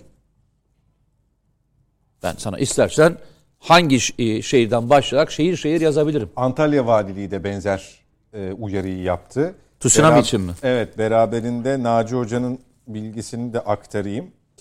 Hatay tarafındaki enerji boşaldı diyor bir kere. E, bunun artçı ya da tek başına olmasının hiçbir önemi yok diye ekliyor. Bundan sonra iki noktaya dikkat etmek lazım diyor. Adana ve Kıbrıs. Biz yayına bağlarken bağlanırken de hocam Ali Osman hocam benzer ifadeleri kullanmıştı. Kıbrıs'a dikkat çekmişti. Yani şey Hatay için Ee, rahatladı mı diyor şu anda. Evet enerji tamamen boşaldı diyor. Ee, Adana ve Kıbrıs'a işaret ediyor. Yani bu hani inşallah hiç kimse hayatını kaybetmemiştir. Yani bu sarsıntıda Hatay'da inşallah diyorum. Yani bu kadar depremin arasında bunu da müjde olarak mı kabul edelim? Ne yapalım? Ne diyelim? Ee, Yani yani o bir hep deprem bekliyoruz Hatay'da deyip e, duruyor değil mi hoca öyle Şimdi hatırlıyorum. yine asılsız ihbarlar başlamış. Ee, İçişleri Bakanı'nın açıklaması. Samandağ ve Defne ilçeleri ki e, ilk deprem Defne merkezli, ikinci 5.8 olan e, büyüklüğü daha az olan e, Samandağ'da meydana gelmişti. E, bu iki il- ilçede de yıkım olduğu bilgisini aldık diyor. Yayladağ, Reyhanlı ve Arsuz'dan gelen ihbarların da asılsız olduğunu, doğru olmadığını ifade ediyor ki Reyhanlı'dan e, bizim haber merkezimize de çokça yıkım olduğuna yönelik bilgi gelmişti. Arkadaşlarımız buna rağmen sahada ekiplerle beraber e, belirtilen, işaret edilen yerlere gidiyorlar. Mete e, sen tamamla istersen Hulki Bey'e döneceğim. Yok yani uzatacak bir şeyim yok. Yani tamamlamış Uygulama kısmını söylüyorduk. Yönetmelik aynı Japonya'yla. Yani yönetmelik aynı ama e, binayı yaparkenki hatalar, bina bittikten sonra yapılan hatalar. Yani bunu e, gezerken birebir görüyorsun. Birebir görüyorsun yani. E, yani bir şey söyleyecek halim yok. E, yani Allah gerçekten hani e, orada yaşayanlara hepimize e, güç kuvvet versin. Yani tekrar başsağlığı diliyorum. Yani her defasında her gün bize bir kez daha hatırlatıyor. Evet. Hu- Hulki Bey, e, Mete Bey de söyledi. Ee, tam sayı galiba sen öğrendikten itibaren 53 bin daha artmış Türkiye'deki müteahhit sayısı. 453 bin 497. Almanya'da 3550 mesela. Japonya'yı söylemiştin. Tüm Avrupa'da, Avrupa'nın tamamında 25 bin. Dünyada en çok bir başka enteresan istatistik. Dünyada en çok müteahhit sayısına sahip ülkeler. Birinci sırada Çin var. Nüfusu 1.4 milyar. İkinci sırada Türkiye var. Nüfusu 0,08 milyar, 80 milyon. Ee, bu bile çok şey anlatıyor. Ee, bizdeki e, müteahhitlik Anlatıyor bu rakamlar bize. Evet yani müteahhitlik e, sektörünün aslında e, Her, her önüne gelen yani şu an mesela benim müteahhit olmam için bir en- ne, Ee, ne gibi bir engel ilginç, var? İlginç bir şey söylemişti. Adam Hayır hayır param var. bak O adam çok yok. ilginç bir şey söyledi. Hiçbir engel Bugün yok. yani adam dediğim e, Japon inşaat mühendisi çok güzel bir kelime kullandı. Dedi ki siz dedi bir tane dedi doktora ameliyat etmesi için dedi kaç yıl eğitim veriyorsunuz dedi. Düşün. 6 artı 2. 7 yıl okuyor, sonra 2 yıl okuyor filan. Daha sonra Uzmanlık. uzmanlığı filan herhalde 10 yıl filan e, gidiyor. 10 yıla kadar gidiyor. 10 yıl sonra dedi bir ameliyata gidiyor. Bir hata yapıyor dedi. Ve ne oluyor dedi? Bir hastayı kaybediyor değil mi? Siz dedi bu kadar dedi ne kadar rahat şey verebiliyorsunuz dedi. Yani müteahhitlik. Yaptığıyla binlerce insan dedi bir anda hayatını kaybedebiliyor. E, sanırım e, e, Ebrar mıydı şeydeki? Apartman. Apartman. Evet. Kaç kişi vefat etmiş gördün mü rakamı? 600 mü? 400 mü? Yani inanılmaz bir rakam ya. İnanılmaz bir rakam ya. Gerçekten doğru söylüyor. Yani sonuçta dedi o da dedi bir bir şey inşa ediyor. Ve o inşa ettiğinde insanlar korumalı. Ben hatta kendisinden şunu söyledim. Çok özür diliyorum Hulki Bey'e. Ee, bırakayım bu sözde. Estağfurullah. Biz dedim Yok yok. ya biz dedim anlamıyorum dedim. Şunu anlamıyorum. Ee, sizin fotoğraflarınızı seyrediyorum. Deprem oluyor veya video seyrediyorum. İnsanlar dışarı doğru kaçışmıyor farkındaysan. Şeyde duruyorlar. Binanın içinde duruyorlar. Dedi ki o binanın güvenli olduğunu biliyoruz. Dışarıda dedi olmak daha güvensiz. Yani bir şey düşer. Biz ise binanın güvensiz olduğunu biliyoruz ve dışarı doğru kaçmaya çalışıyoruz. Düşünebiliyor musun? İç, içgüdümüzde bile var binaya güvenmemek. Yani biz güvenmiyoruz oturduklarımız, oturduğumuz evlere. Güvenmiyoruz. Ya bu psikoloji kötü bir psikoloji değil mi ya? İnsanlar e, dışarıdan içeri kaçıyorlar. Japonya'da biz binanın içinden dışarı doğru kaçıyoruz. Bu bile bence tek başına psikolojimizi gösteriyor yani. Ee, Hulki Bey bu rakamlar üzerinden ilerlediğimizde e, müteahhitliğin önünde yani yanlış bir şey söylüyorsam tabii Nedim Şener param varsa engel yok dedi ama e, daha prosedürsel bir şey söz konusuysa. Hani Hatta şunu, onu şunu biliyorum. düzelteyim. Paran yoksa da olabilir. Çünkü maket yaptırıyorsun bir tane. O, o düp- düpedüz dolandırıcılığa giriyor. Yok O hayır başka. maket yaptırıyorsun. Bir arsayı çeviriyorsun. Onu da borç yani taahhütlü alıyorsun. Krediyle al yani ta- kredi kullanıyorsun ona. Maket yapıyorsun. Başlıyorsun satmaya. En az yarısı %25'ini peşin veriyorlar. Sen bir anda para sahibi oluyorsun. O parayla inşaatı yapıyorsun ama inanılmaz büyük bir kar o, marjıyla. o, o yasaklandı ama bildiğim. Maketten ev satmak e, yasaklandı. Ne zaman? Yani yakın bir zamanda. Ben öyle biliyorum. bugün herhangi bir projeye gittiğiniz zaman bitmiş proje almıyorsunuz ki mesela mesela burada hemen karşınızda büyük bir proje var. Daha inşaat sürüyor ama ben onun reklamlarını O yıl bir yıl bir iki yıl satışın önceden önüne geçildi diye biliyorum. Hulki Bey Ay, o, onun önüne geçildi ama doğru o yasayla düzeltildi ama bu Nedim Nedim'in haksız olduğunu göstermez. Niye? O düzenleme yapılıncaya kadar maketten yapılan satışlar şu anda e, belki yıkıldı. O evlerde yapıldı. Yani maket üzerinden evi görmeden satın aldı insanlar. O evlerin bir kısmı yapılmadı, bir kısmı yapıldı. Yapılanlar da belki çöktü. Yani yıllarca maket üzerinden satış oldu sonuçta. Yani Nedim'e haksız göstermiyor.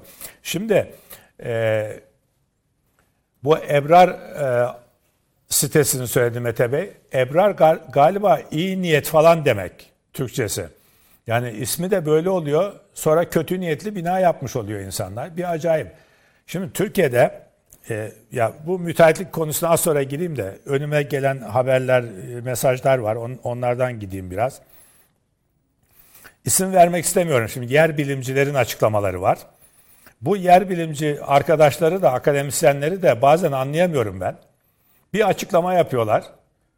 Ee, sonra bir şekilde neden çekiniyorlarsa ben öyle demedim diyorlar.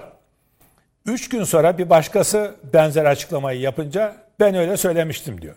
Şimdi adını vermeyeyim. Çok ünlü bir e, yer bilimci tweet atmış.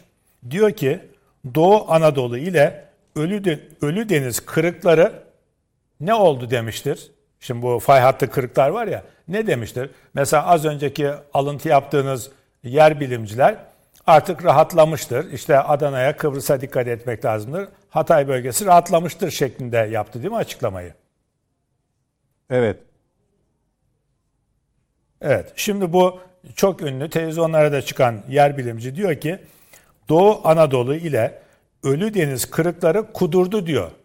Yani kudurdu demesi aynı bu kelimeyi söylüyor. Kudurdu demesi bunlar yani hala tehlikede. Yani kudurmak ne demek?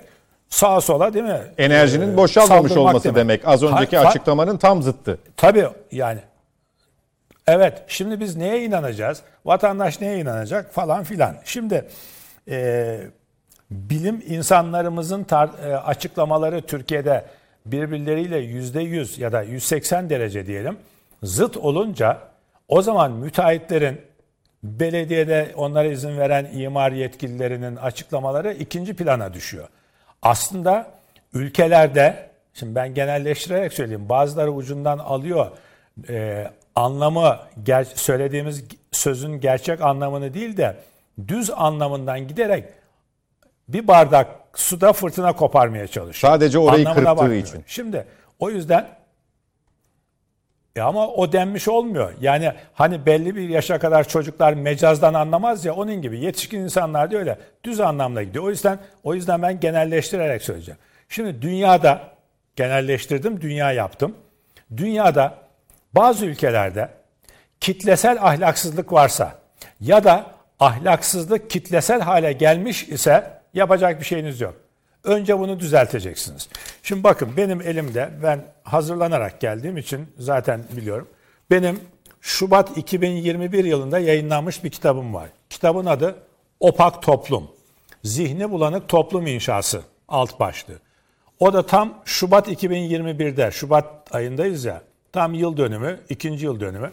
Şimdi bunun içinde sayfa 82 bir yazım var. Başlığı, başlığı şu, deprem, ritüel ve depremlerin psikososyolojisi. Burada alıntı yapmışım, okuyayım size. Ünlü bir antro- antropolog yani insan bilimci Mary Douglas şunu söylemiş depremler konusunda ya. İster toplumsal, ister dini nitelikte olsun acı ve adaletsizliğin herkes için sorun olmadığını söylüyorum diyor. Yani acıları paylaşıyoruz diyoruz ya. Aslında antropolog diyor ki acıları aslında herkes paylaşmaz diyor. Hakikaten biz de şöyle düşünelim. Mesela Çin bize ne kadar uzak değil mi? Çin'de deprem olduğu zaman biz ekranlarda, ana haberlerde görüyoruz. Vah vah deyip geçiyoruz. Aslında acıları paylaşmak mes- hakikaten fiziki mesafenin de yakın olmasıyla ve duygusal mesafenin yakın olmasıyla bağlantılı. Kolombiya'da bir deprem olduğu zaman biz vah deyip geçiyoruz. Mesafe önemli. Şimdi e, şimdi bu antropolog diyor ki toplumsal denetimin güçlü olduğu toplumlarda kötülük karakteristik bir hal alamaz diyor. Neymiş? Toplumsal denetim. Hukuksal denetimin dışında başka bir şey. Toplumsal denetim. Hani biz şimdi kırmızı ışıkta beklerken yaya geçidinde ışık kırmızıyken geçenlere ters ters bakıyoruz ya. Toplumsal bir denetim o. Ya biz dururken sen niye geçiyorsun, tehlikeye atıyorsun diye. Şimdi diyor ki bu uzman toplumsal denetimin güçlü olduğu toplumlarda kötülük karakteristik olamaz diyor. Yani kaderimiz olamaz diyor. Şimdi burada epeyce yazmışım ben. Hakikaten yazdım, çizdim bugüne kadar. Müteahhitler konusuna geleyim. Bir müteahhitlik konusunda cadı avına çıkmamak lazım. Her mesleğin olduğu gibi müteahhitin iyisi var, kötüsü var. Bu depremlerde de gördük müteahhitin iyisi de. Müteahhitin iyisini manevi ve gerekiyorsa yasal olarak yani ne bileyim vergi indirimi gibi maddi olarak da ödüllendirmek gerekiyor. Müteahhitin kötüsünü ve müteahhitin katil olanını, katil olanını değil mi? Yıkıldığı ev uygun yapmadıysa, kaçak yaptıysa, malzemeden oradan buradan çaldıysa katil bu şimdi. Binası yıkıldı, ölenler var. Katil. Katil müteahhitlere de hukuken gereken ceza verilmeli. Bakın Türkiye'de hani dünyada görülen diyoruz, genelleştiriyoruz. Ahlaksızlık kitleselleşirse ne olabilir? 99 depreminden sonra müteahhitlere açılan davalar. Değil mi? Büyük bir deprem oldu. Şok oldu hükümet. Devlet oraya gidemedi. Ecevit gitti de helikopterle TRT'yi de yanına alarak moral vermek için çok doğru bir şey yaptı. Gitti geldi ama devlet oraya günlerce gidemedi.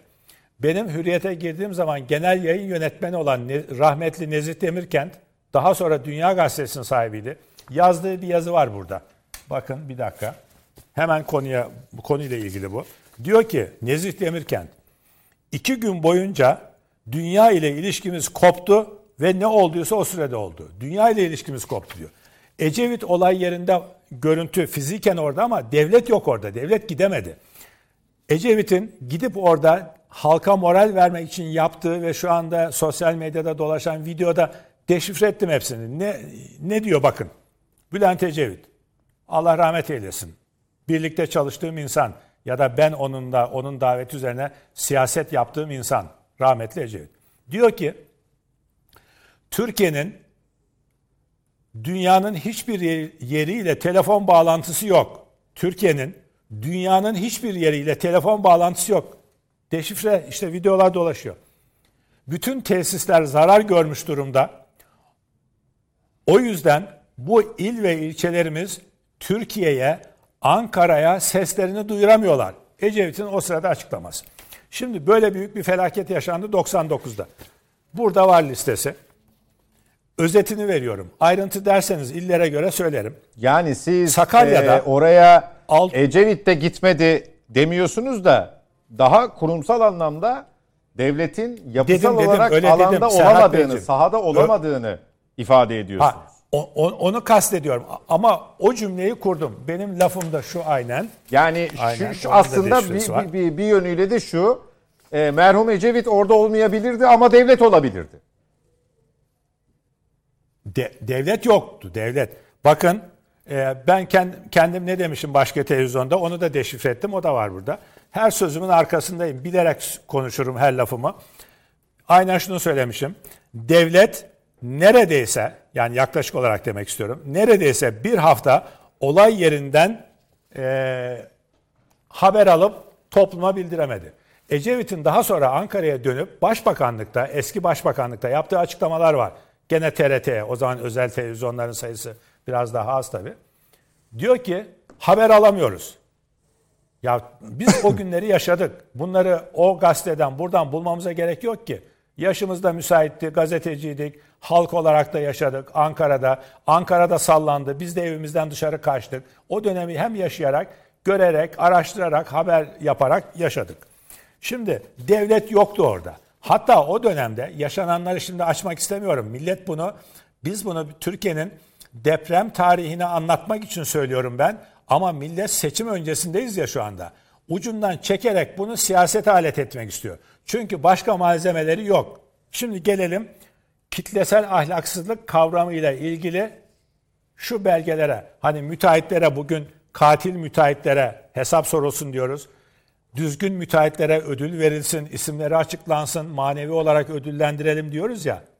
Gazetecinin de kötüsü var, iyisi var. Müteahhitin de öyle. Her meslekte öyle.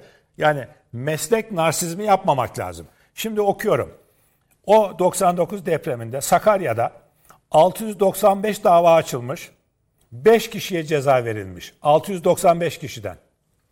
Kocaeli'de 600 dava açılmış. 12 kişi onar ay hapis cezası aldı. 6'sının cezası infaz edildi. Diğer 6'sı için süre istendi. Almamış ceza. Yalova, Yalova deprem merkezlerinden biri. Yani müteahhitlere karşı hukukun, toplumun ortak tutumu, toplumsal bilinç, toplumsal denetim dedik ya demin. Toplumsal denetim var mı? Yalova'da 173 dava açıldı. Hemen hemen tamamı sonuçlandı. Ceza aldığı bilinen tek isim Veli Göçer olup 18 yıl 9 ay hapse mahkum edildi. Rahşan affı ve zaman aşımından yararlanarak 7,5 yıl hapis yattıktan sonra tahliye oldu. Düzce yaklaşık 220 dava açıldı. Yargılamaların sonucunda hiç kimse cezaevine girmedi. Düzce'de Ersoy apartmanında 36 kişi öldü, dava zaman aşımına uğradı. Ömür Hastanesi Düzce'de 11 kişi öldü, dava zaman aşımına uğradı.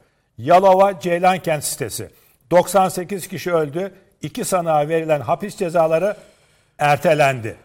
Kocaeli Umay Apartmanı 58 kişi öldü, müteahhit hakkında verilen ceza ertelendi. Yüksel sitesi bitiyor, bitiyor. Yüksel sitesi 316 kişi öldü.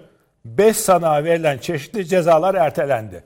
E bu olursa toplumsal denetim ve yargısal denetim bu olursa e o zaman bu müteahhitlerde işte Türkiye'de toplam Avrupa'daki müteahhit sayısının kaç kat oluyor?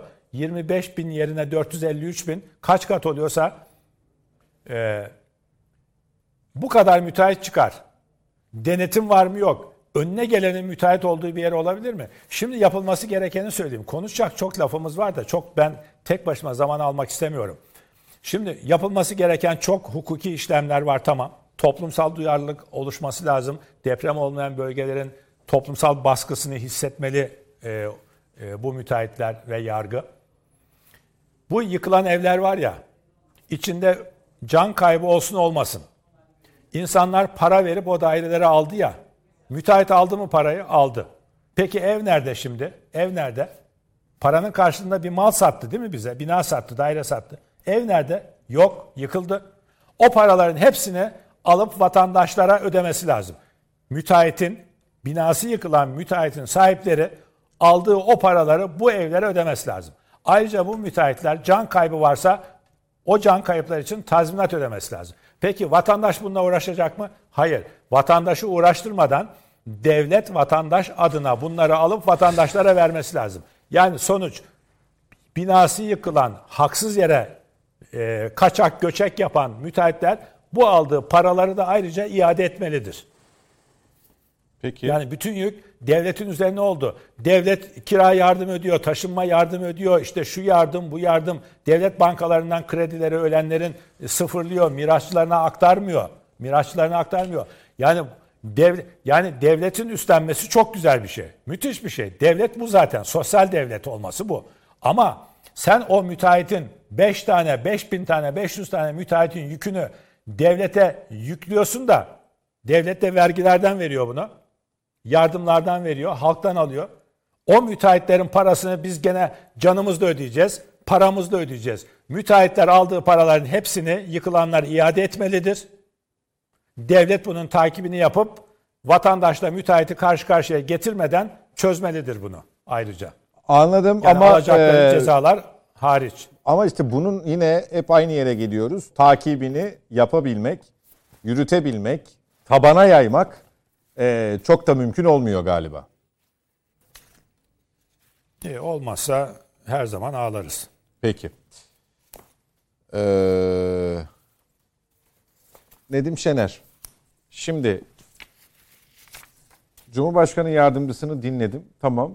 Ee, ilk izlenimlerde iki depreminde gayet şiddetli olduğu, şiddetli hissedildiği yönündeydi. Bölgedeki arkadaşlarımızın aktardığı da ben sadece yayında değil, ekibimizi aradım hemen. Ee, gayet şiddetli oldu dedi. Onun da bilimsel açıklaması yüzeye çok yakın olması. 7.7 kilometre. Ee, fakat Şey de öyleydi Twitter'a bakıyorum. Maraş'ta öyleydi. Şimdi Twitter'a bakıyorum. Ee, sanki çok başka bir yerde farklı yorumlamalara yol açabilecek bu binler sayıları binlerle ifade edilen ihbarları kastediyorum. Bir deprem olmuş. Devletin resmi açıklamasına bakıyorum. Tamam şiddetliydi. Ee, tsunami uyarısı da yapıldı 3-5 ilde ve bunlar ihtiyaten yapılmış uyarılarda geri çekildi di- diyor devlet. Ee, tekrar oraya dönüyorum. Yani bir de oradaki insanların psikolojisini düşünüyorum. İyice çileden çıkarıcı bir boyuta varıyor. Yani e, buradakiler yanlıştır, külliyen yalandır demiyorum. Ama iyi bir deneyimim yok burayla ilgili. Buranın çıktılarıyla ilgili. Sosyal medya. Orası öyle ama bakın ben programın girişinde AFAD Başkanlığı'nın uyarısını e, sizinle paylaştım. Ve Yok seni yo, kastetmiyorum. yo, ben Başka bir zaten şey onu demiyorum. Şunu söylemeye çalışıyorum. AFAD Başkanlığı yani bir başka kanal veya sosyal medya e, spekülasyonu e, olarak değil sosyal o anda sosyal medyası olmayabilir. Bizi radyodan dinleyebilir, televizyondan dinleyebilir. Doğal olarak AFAD bu uyarıyı yapıyorsa bunu paylaşmak çok doğal. Tabii böyle bir durumda sosyal medyada bunu köpürtüp çok farklı anlamlara yani bütün Akdeniz sahilini bile tsunami dalgası kaplayacak diye yalan üretebilir. İlginç olan şu. Şimdi şu şöyle bir ko- konumuz var. Ciddi bir şekilde bu hani depremdeki fay hatları gibi toplumda da bu fay hatları çok açık. Gitgide açılıyor. Hani o dağların yarılması var ya. Dağların yarılması gibi bu olayda bizi birleştireceğine tamamen Ayrış. ay- ayrıştırıyor. Yani e, her faciadan e, böyle bir siyasi sonuç bekleyen, e, bir bunu kaosa çevirmek isteyen e, Bolca ki- manipülasyon. tabii kişiler, hesaplar e, yine bu sefer devreye girdiler ve akıl almaz bir şekilde şöyle günlük en az 5-6 tane yalanı ard arda sarı- sıralayabiliyorlar. E, Korkunç olan şu, e, yabancı gazete, gazetelere artık bunlar haber olmaya çokça başladı. Onlar bunu teyit ediyor. Yani Türkiye'de söylenen yalanların söylenen şeylerin yalan olduğunu onlar teyit ederek haberleştirmeye başladılar. Yani dünyaya bu anlamda da bunu yapanların hiçbir şeyden kaygıları, korkuları, utanmaları falan yok zaten. Adamların işi bu. Yani bir insan şöyle olabilir mi? Bir yer sallandığında, deprem olduğunda, insanlar kaygıyla e, kaçışmaya başladığında ben nasıl olurum da onların kaygı ve korkularını büyütebilirim diye paylaşım yapar veya sağa sola bir takım e, yerlere telefon açıp sahte ihbarlarda bulunur. Bunu insan olmakla açıklayamayız. Ya bunu hani insan hani yaratılmışların en şereflisi insandır. Ama bunu en yani e, hayvan olarak zaten açıklayamayız. Hayvanlar böyle bir şey yapmaz. Ama şerefsizlerin en büyük şerefsizi her kimse bunlar olmalı. Çünkü o anda o insanların e, yardıma e, ve soğukkanlı bir şekilde sorunlarının çözümüne ihtiyaç varken onları panikle korkuya itmenin başka bir şey, izahı yok. Yani insandaki o korkuyu tetikleyip belki o anda insanlar kaza yapacaklar. Yani değil mi? Arabaya binecek bir yerden bir yere giderken kaçmak isterken bir başka şeye sebep olacaksın. Ya da o, o, o, o bir başka bir olaya sebep olacak. Akıl alır gibi değil ve bu oluyor. Dünyada bakın dünya gerçekten şu depremde depremin büyüklüğü gibi bu, bu süreçte söylenen yalanlar eminim ileride basın okullarında, sosyal medya kullanımında bununla ilgili mutlaka yasalar bak çok hani dedik ya sosyal medya yasası niye çıkmıyor falan diye konuşup duruyoruz. İşte bak bu olay sırasında böyle bir yasa niye gerekli? Ha ama peki neyi engelledi? Niye engelledi? Olmasaydı ne olurdu diyecektim. Hayır, oldu ne oldu? Oldu ne oldu? Değil mi? Oldu ne oldu? Şimdi ne oldu? 800 tane hesap belirlendi. 400 hakkında gözaltı kararı verildi. 100 bilmem kaç tanesi e, ifadeye çağrıldı. Bilmem kaç tanesi tutuklandı. Ne oldu? Hani devletin gücü? Hani o yasa ile beraber burada ofisler açılacaktı. Bunlar engelleyeceklerdi. Neden Twitter? Tweet değil mi? Elon Musk niye aldı bunu? Sahte, yalan haber değil mi? İşte ifşa edecekti. Etti. Hala da ediyor. Kendi ülkesinde CIA'inden FBI'na, Pentagon'undan dışişlerine nasıl Twitter'ın manipüle edildiğini, özellikle Orta Doğu ülkelerine yönelik sahte hesaplarla nasıl bir oyun oynandığını ifşa ediyor. Peki olay Türk dünyada en çok kullanıcısı olanlar ülkelerden bir tanesi Türkiye. Peki Türkiye'ye dair bir ofis açıp niye burada bir üs olarak yapılandırmıyor kendisini? Yani Türkiye İrlanda'daki bir masada kim olduğu bilinmeyen kişiler tarafından yönetilen bir ülke.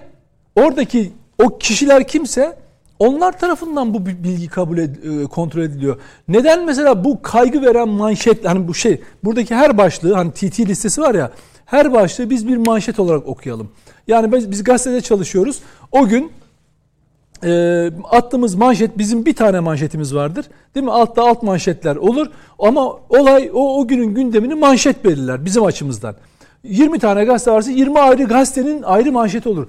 Buradaysa dakikada saatte bir bu manşetler yenileniyor onun, ve bunlar onun algoritması iyice e, onu söylüyorum bak raydan çıktı. Peki ben Nedim pe, bak, yani e, bugün güllük gülistanlık bir hava var ne güzel Nedim Şener yazınca sonuna TT'ye katkısı oluyor. Yani ama şu, şey olur mu? hayır bak şöyle bir şey. Önemli olan o değil. O ona onlarla uğraşmıyorum ben. Ben Hayır hayır. Bu çok rahatlıkla ettiğin... tabii Twitter mesela tsunami geliyor falan ya da bir panik yaratarak işte atıyorum baraj patladı var ya hani mesela. Ya bunun kaynağı belli. Burada ofisi olsa iletişim başkanlığı ya da teknoloji başkanlığı BTK falan devreye girip kardeşim bu yalan dediği zaman o başlığı siler ve onunla ilgili paylaşımları kaldırır. Bu kadar basit. Nitekim yapıyor. Kendi ülkesinde yapıyor bunu. Şimdi biz peki Sonra ne? biz daraltmaya gidince bak, sansürcü tek, oluyoruz. Tekrar söylüyorum. Tabii bak şöyle oluyor. Ben Elon Musk bunu aldığında Türkiye'nin güvenliği Elon Musk'ın inisiyatifine terk edilmez diye bir yazı yazmıştım en başta. Çünkü bir Amerikalı'dan bahsediyoruz. Tıpkı deprem olur olmaz işte Starlink'i göndereyim e, şeyi e, nedir onun adı e, internet iletişimi kesilmesin falan filan. Ya Türkiye o kadar aciz bir devlet ki onun gözünde onun interneti üzerinden biz bütün veri güvenliğimizi bir anda Elon Musk'a teslim edeceğiz öyle mi? Bu neyi gösteriyor biliyor musunuz? Hani Elon Musk'ın da dünya çevresini e, uydularla kaplayıp kesintisiz internet ağı öreceğini söylüyor ya. Nasıl bir proje olduğunu da gösteriyor.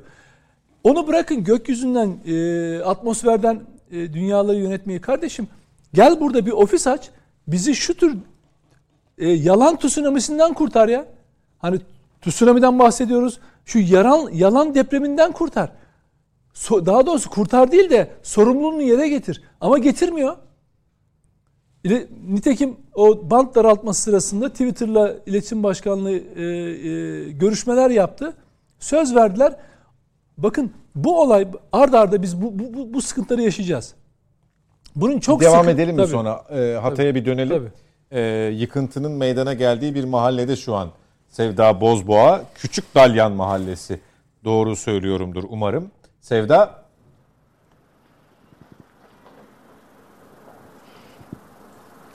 Serhat İbrahimoğlu, evet Küçük Dalyan Mahallesi'nde de hemen arkamda bulunan bu bina ikinci depremle birlikte işte çökmüş vaziyette. Hemen aşağısında bir araba görüyoruz. Arabanın ışıkları da şu an yanıyor. Az önce ekipler bu noktaya geldi. Sesimi duyan var mı? Çağrıları yapıldı. Aslında ekiplerin bu yol güzergahı boyunca kontrol amaçlı bütün binalara tek tek baktıklarını söyleyelim. Çünkü bulunduğumuz bu bölgede direkler neredeyse devrilmek üzere ki öyle ki kablolar dahi yerlere düşmüş durumda. Buraya gelene kadar normalde Çatlak olmayan yollar, ayrık olmayan yollarda da çatlamalar gördük. Kimi yol çökmüş vaziyette. Yani buraya ulaşımın da şu an için çok zor olduğunu belirtelim. Hemen tam karşı tarafta da işte bir direk neredeyse çökmek üzere. O direklerin elektrik kabloları da tamamen yere düşmüş durumda. 3 dakika arayla yaklaşık 2 deprem meydana geldi. 6,4 ve 5,8 olmak üzere.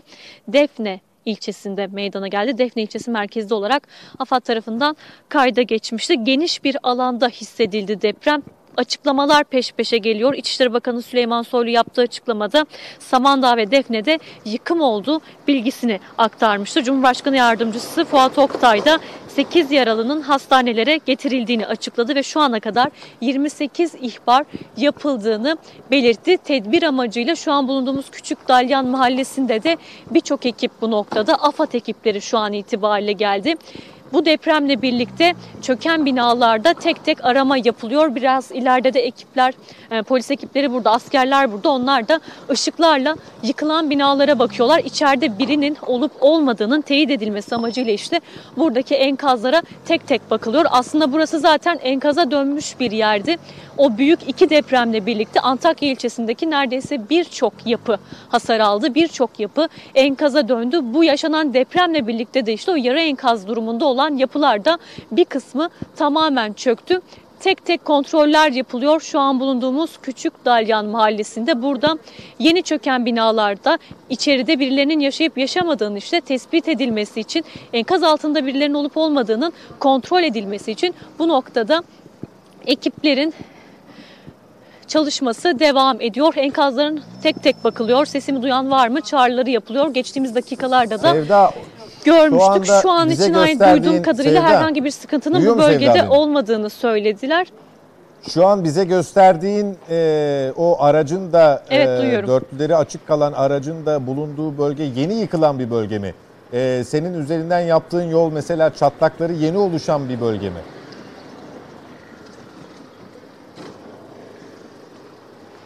Evet Serhat İbrahimoğlu o yol çatlakların yeni oluştuğu bir yol. Çünkü hafta boyunca buraya geldik ancak o kadar derin çatlağı ben gördüğümü hatırlamıyorum açıkçası. Bu yapının da ayakta olduğunu hatırlıyoruz. Ancak işte bu depremle birlikte bu yapı yeni çökmüş vaziyette. Bu yaşanan üst üste yaşanan iki deprem sonrası bu yapının çöktüğünü tahmin ediyoruz. Çünkü az önce askerler bu bölgeye geldi ve içeride sesimi duyan var mı çağrısı yapıldı. Sonrasında ise bu bölgede bir sıkıntının olmadığı tespit edildi. Yani anladığımız kadarıyla şu an yıkılan enkazın içerisinde birinin olmadığını tahmin ediyoruz. Bölgedeki ekipler de başka yönlere doğru ilerliyor. Çünkü aldığımız bilgilere göre Gazi Mahallesi'nde yıkılan bir bina olduğu belirtildi. Ekiplerin de o bölgeye doğru gittiğini duyduğum kadarıyla anladım. Birazdan o bölgeye gideceğiz. O bölgedeki durumu da ekranlarınıza getirmeye çalışacağız. Hava nasıl Sevda? Sanki yağmur mu kar mı hafif atıştırıyor gibi?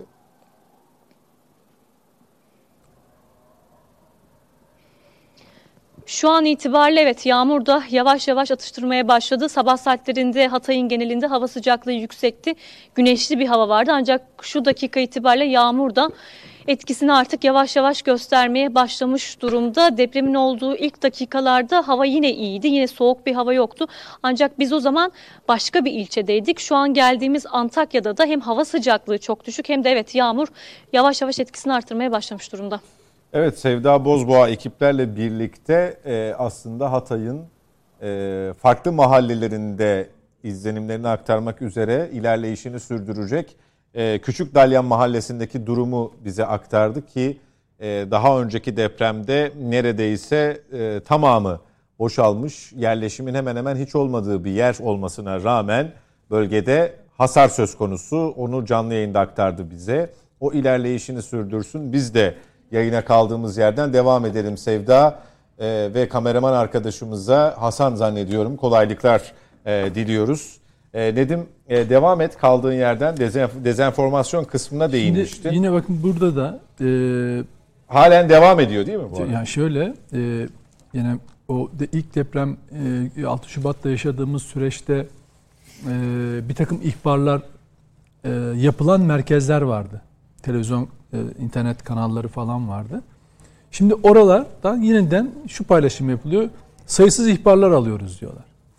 Oysa bir süre önce hatırlayacaksınız onlar bunlar sahte binlerce ihbar geldi diyor. Şimdi şu anda da şu adre- adresler verilerek bir takım isimler o kadar çok sayıda ki yani şu anda yıkılan e, e, inşallah sayısı azdır.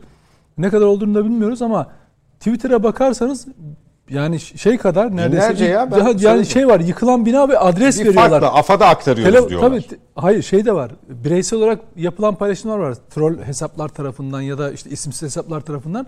Muhtemelen telefonları tek tek arasanız bazıları da sahte de çıkabilir. Ama o anda şimdi bunu ciddiye alacak kamu görevlileri sahte bir ihbarın peşine giderken gerçekten yardıma ihtiyacı olan bundan mahrum kalacak. Belki enkazdan çıkma şansı olan kişi hayatını kaybedecek bu sayede. Bunu da düşünmüyorlar. Diyorum ya inanılmaz bir insanlıktan çıkmışlık hali var. Sosyal medya bu hale geldi. Dolayısıyla hani dönüp e, Türkiye mutlaka ve mutlaka biz her olayda ki Türkiye terörle mücadele ediyor. Sürekli ulusal güvenliği tehdit altında tutuluyor.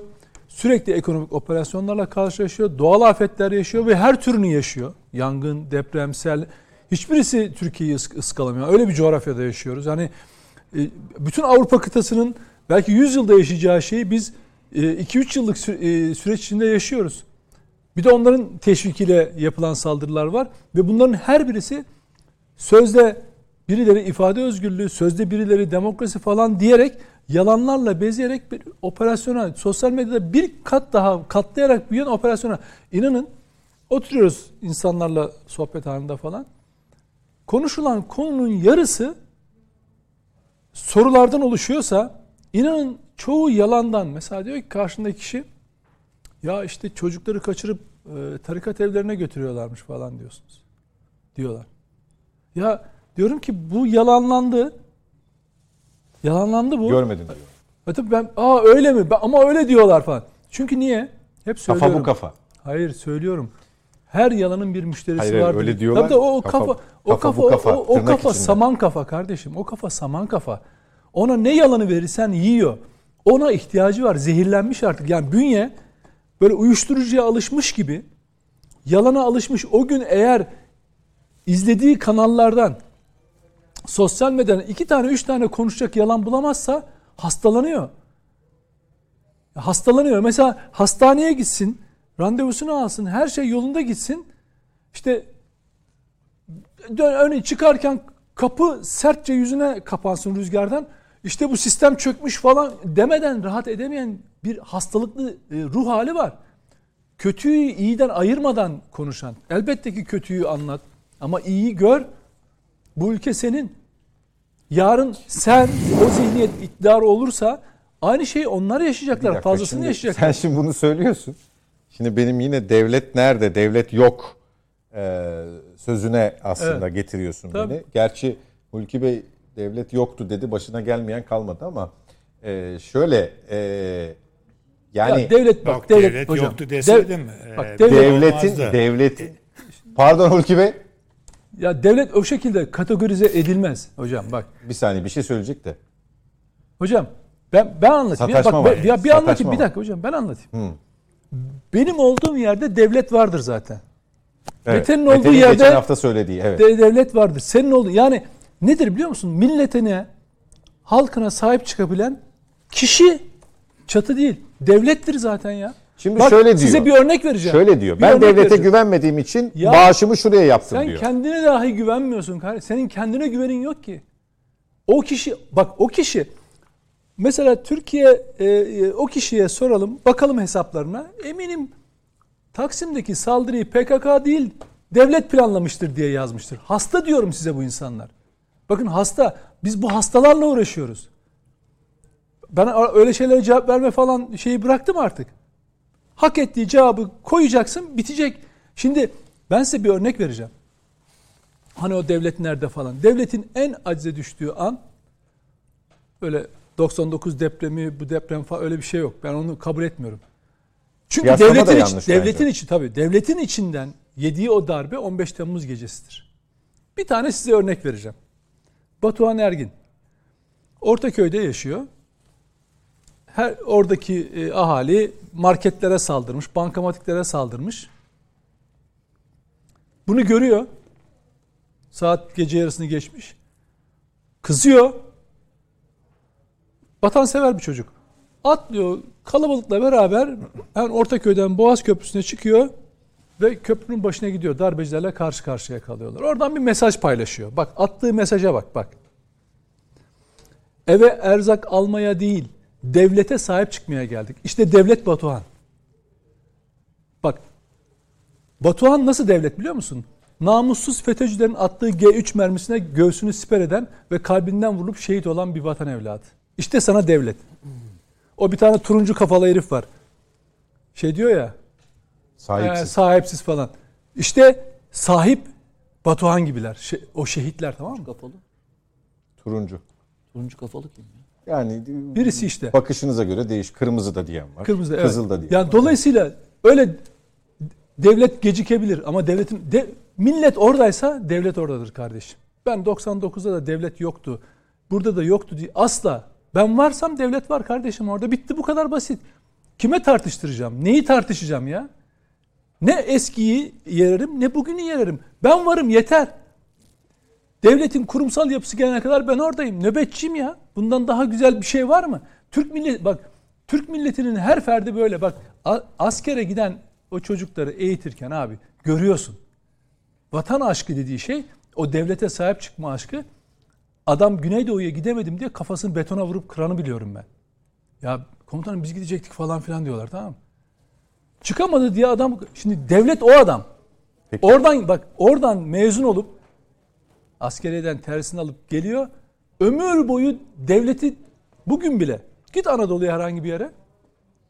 Karşında çiftçi görürsün, terzi görürsün, esnaf görürsün ama devlet adamı görürsün. O yüzden her zaman her zaman bak içeriden en büyük ihanete uğradığı akşam günde savaşta da her zaman ya Kurtuluş Savaşı'na bakın kardeşim. Devlet dediği Osmanlı İmparatorluğu padişah Serv Anlaşması olmuş, Mondros Anlaşması olmuş. Devlet diye aslında devlet çatı diye çatı diye gördüğü Osmanlı hila, saltanatı gidiyor, çöküyor. Millet ne yapıyor biliyor musun? Gidiyor Ankara'da devlet kuruyor kardeşim. Bak dev, bak devlet var. 600 yıllık bir devlet var önünde. Halife halife bak halife İslam şey değil mi? Ee, dinin temsilcisi. Padişah saltanatın temsilcisi değil mi abi? Siyasi ve dini lider Şey bir kişi de gerçekleşiyor. Ama o bir kişi diyor ki ya diyor Mustafa Kemal diye bir adam var diyor. Ona e, onu idam edesin işte isyancı falan diye fetva çıkarıyor. Millet ne yapıyor? Halifenin ve padişahın yani iki, iki temsiliyeti olan onu dinlemiyor. O idam fermanı çıka- çıkarılan Mustafa Kemal'in peşine gidiyor. Ne yapıyor biliyor musun? Mustafa Kemal kim? O da devletin bir parçası. Bak devlet, devletten bahsediyorum. Oturuyorlar Anadolu'da, Ankara'da bir devlet kuruyorlar yeniden. Türkler böyle bir millet. Şimdi bunu anlamayan liberal çakma, çakma liberaller var. Böyle Amerikan ekolünden etkilenmiş böyle ya, ya, ya gevşek gevşek konuşanlar falan. Ya bu millet sahipsiz. O niye yapılıyor? Depremin ilk anından itibaren ve şu anda da e, e, gerçekleşen depremden sonra toplumun o kendine kök tarihsel olarak var olan duygusunu, güvenini sarsmak için yapılıyor. O o sarsılsın ki birlik bozulsun. Birlik bozulursa ne olur? Devlet kalmaz, millet kalmaz. İşte bölüm bölünme öyle gerçekleşir. Peki. Tarih bunun örnekleriyle var ama tarih hep Türklerin bir araya gelerek yeniden bir devlet kurduğu efsa- şeylerle gerçekliği de karşı karşıya. Devlet yanlış yapamaz mı Mete Yarar? Geç kalamaz mı? Eksik yapamaz mı? Devlet demek aynı zamanda yani yokken bir şey yokken var gibi göstermek midir? Devlet bu mudur yani? Yani devleti tarif etti. Yani devlet e, yani en basit anlamıyla e, Sensin, bir benim. vatan bir vatan toprağı üzerinde belli bir amaç için bir araya gelmiş millet veya milletler topluluğa denir. Dolayısıyla devlet millettir. Devlet millettir. Millet de Millete devlet. devlettir. Yani e, açıkçası soruyu Eti kastediyor insanlar arkadaşlar. sorunun içerisinde belki en önemlisi bir şey de. bence devlet bir sosyal bir e, şey. Yani soyut bir kavram. Gerçekliğe dönüştüğü yerler neresi? İktidar. Yani onu e, ona talip olan siyaset. Onun e, kurguladığı aşağıdaki şema. O şema ne? Onu Bürokrasi. yönetmeye talip olan. aslında. Tabii tabii yönetmeye talip olan ve onun altında oluşan şema. O da bürokrasi. Hata nerede oluşuyor? Burada oluşuyor. Bürokrasi kısmında mı? Bürokratik kısmında ve siyasi kısmında oluşuyor. Yoksa devlet kısmında, devletin yapısında e, Ana çatıda ana çatıda, herhangi bir ana sorun çatıda yok. bir şey yok ki. Yani orası bir zaten şey soyut bir kavram, somut kavram. Bunun icra organlarında, icra organlarında organlarında hata olduğunda başlıyorsunuz. Hata yapmalar orada meydana geliyor. Yani e, zaten sorun da o. Geçen hafta da e, burada konuşurken Ali abi burada oturuyordu. Ben de senin yanında oturuyordum. Onu demiştim. Farkındaysan ismen kimse kimseyi suçlamıyor farkında mısın? Hep devamlı bir aynı tabir ve aynı tabir üzerinden gidiyor. Çünkü diğerinin bir hukuki sonucu var Türkiye'de. Devlet nerede? Devlet yok. Çünkü e, onun onun ona karşı açılmış bir dava da yok. Böyle olunca kavram. alıcısı da çok olur. Alıcısı da çok fazla. Ama öbüründe hukuki sarafları var, hukuki sonuçları var. Adam dava açıyor, hakaret davası açıyor. İşte başka türlü tazminatlar açıyor. Bir sürü dava şeyi var, sonucu var. Şimdi Nedim'i dinliyorum. Nedim hayali hesaplardan ve bolt hesaplarından bahsediyor. Ya arkadaşlar e, bolt hesaptan hayal hesaptan daha çok fazlasıyla e, Ta gerçekleriyle hem de. hem de böyle sıfatlarıyla, yüzüyle, cismiyle olan insanların da biz birçok şeylerini dinledik. Yani şu yaşadığımız kısa sürecin içerisinde hani demiştim ya Ali abiye ben de sizin hala şaşırmanıza şaşırıyorum demiştim. Bota olmasına gerek yok yani. Ya ben hala şaşırmanıza şaşırıyorum demiştim. Çünkü Türkiye'de kimyasal silah yokken Ondan sonra kendisinden Türkiye- haber alamıyoruz zaten. Yani kimyasal silah yokken kimyasal silah kullanıldığı yalanını bu ülkede e, çok rahatla söylenebildi. Ve bunun bunu kabullenen, bunu isteyen ve arzulayan da bir kesim vardı. Ne yaparsanız yapın arkadaş. Yani hala e, kurgu üzerinden mi gideceğiz? Yani şöyle mi yapacağız? Ben niye atladım gittim? Arkadaş bir olay, bir olgu var ortada, bir deprem gerçekliği var. Ben ne yapabilirim diye gittim. Artı bir de ne gerçekten ne oluyor görmek için gittim. Yani yaşanan şey ne? Ben 1999 depreminde dediğim gibi görevdeydim. Ve buraya gelmem mümkün değildi. Operasyon bölgesindeydim. O operasyon bölgesinden olarak burayı algılamam mümkün değildi. Ama belki ondan daha büyük bir depremi yaşadığı bölge 11 ilin yaşadığı Elazığ'da katarak 11 il oldu. Gittiğini görmezsen niye anlatacaksın ki? Yani ne söylersem eksik kalacaktı. Ben buraya çıktığımda bir deprem uzmanı değilim ki ben. Ama en azından kriz kriz dönemlerini bilirim. Kriz yaşanmış dönemlerini bilirim yani. O yüzden gelip anlatmaya çalışıyoruz. Peki sana şunu söyleyeyim. Dakika başı tweet atan adam da değilsin. Değilim atmadım da zaten. Fotoğraf da paylaşmadım. Benim ben çünkü şu mesuliyeti hissediyorum. Yani söylediğim şeyin kendi gözümle ve kulağımla duymadığım müddetçe görsem de duysam da bir defa daha mantıkla kontrol etmeden yapmıyorum. Ben gazeteci değilim. Bak benim gazeteci Yok reflekslerim ya. vicdani seninki bağlayıcılığı olacağını düşündüğün Abi için. Şöyle bir şey var. Bunun bir mesuliyeti var. Bak mesuliyeti var. Ben şöyle söyleyeyim. Bugünlerde yaşanan süreç içerisinde bu söylemleri yapanların hiç mesuliyetleri oldu mu? İnsani olarak mesuliyetler oldu mu? Veya mesleki olarak bir mesuliyetleri oldu mu Nedim? Aksine terfi ediyorlar. Hiç oldu mu? yani düşünsenize bir şey yaşıyorsunuz ve bu devam ediyor. Yani bu devam eden sürecin içinde niye bolt hesaplara ikide bir laf söyleyip duruyorsunuz ki ya? Adam bir şey yapıyor. Bak diğeri ismini bile cismini bile şey yapmıyor ya. Arka arka söylemeye devam ediyor.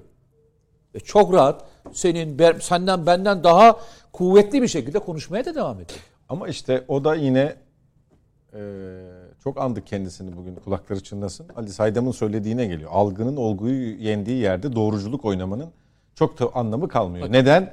Çünkü çıkıyor arkadaşlar diyor arada böyle yanlışlıklar olur diyor. Ama öbürünü pazarladığı müşterisi, alıcısı çoktan almış ve tüketmiş oluyor. Özrün hiçbir ehemmiyeti, kıymeti, harbiyesi yok yani. Özür bile dinemiyorlar ya. Geç Ya velev ki Ya diledi. geç özürün bile gereği yok da e, tweet siliniyor, pas geçip gidiliyor. Mesele şurada bak.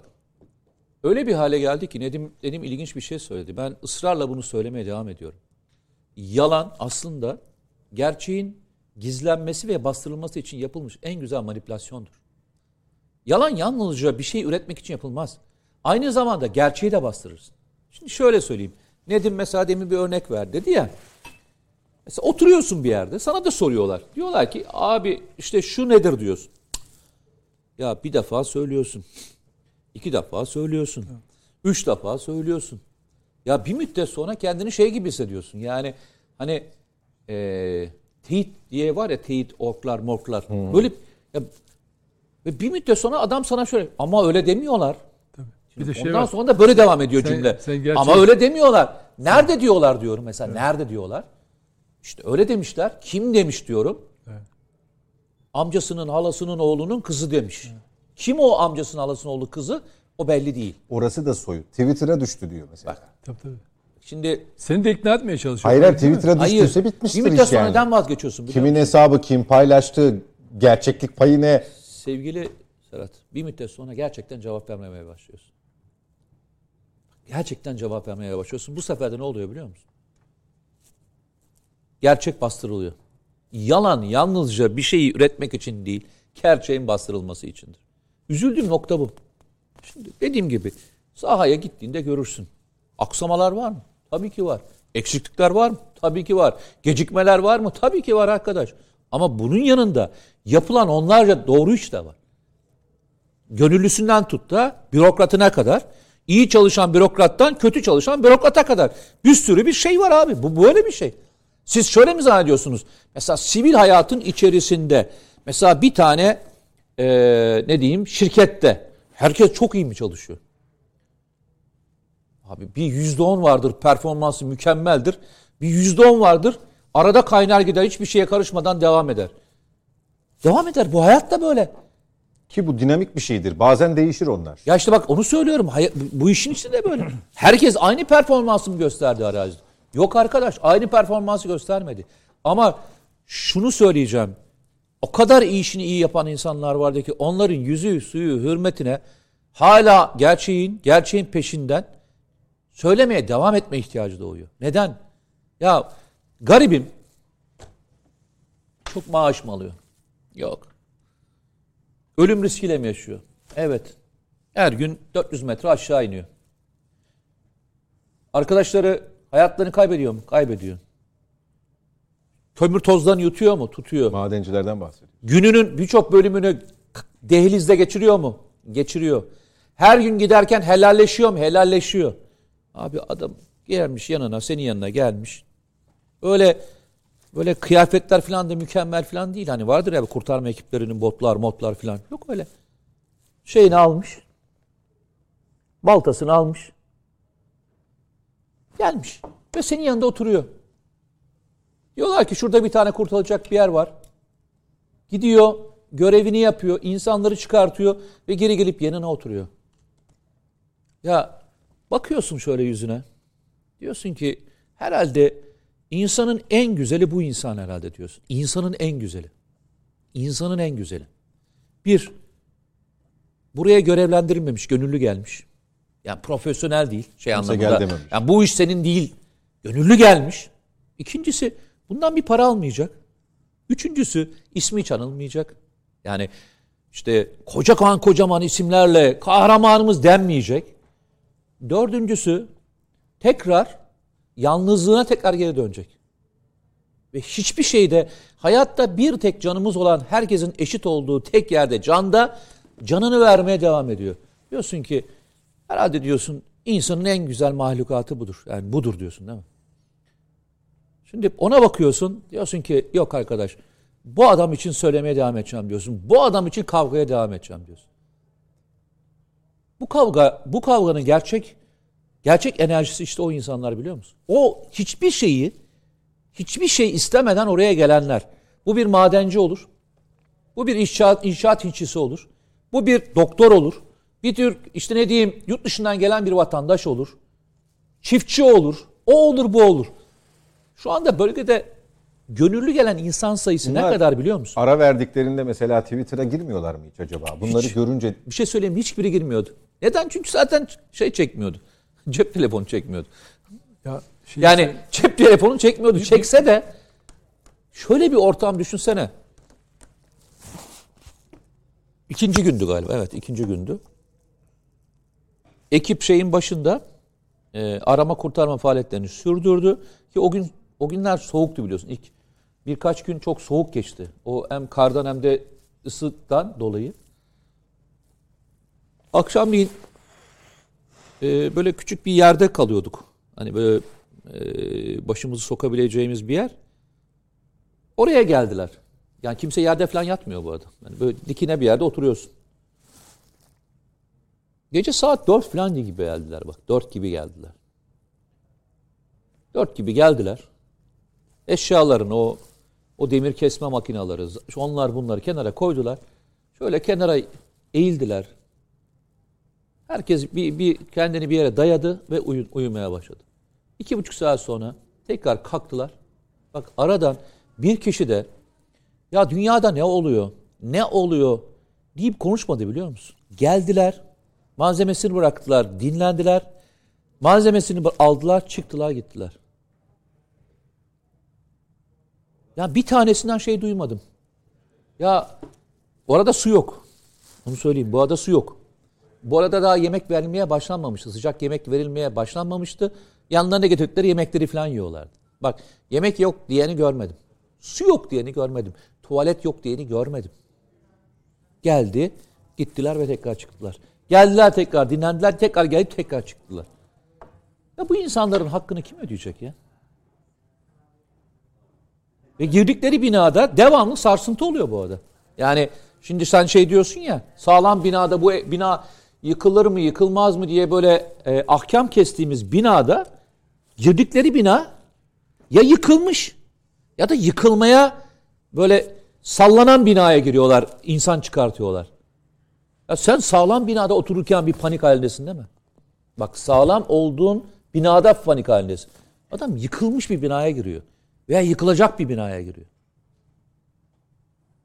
Ya onların erdemi, bak onların erdemi bizi ayakta tutuyor. Demin söylediği Batuhan'ın erdemi gibi. Batuhan için kavga etmeye değer. O oradaki gönüllü gelen insanlar için kavga etmeye değer. Bizim kavgamız şey değil kardeşim. Kimi aklamak, kimi paklamak değil. Devletin kendiyle ilgili birimleri vardır. Kendisini ne anlatıyorsa anlatır. Kendi derdini anlatır, ifade eder, kurumları vardır, izah eder. Ama oradaki gelen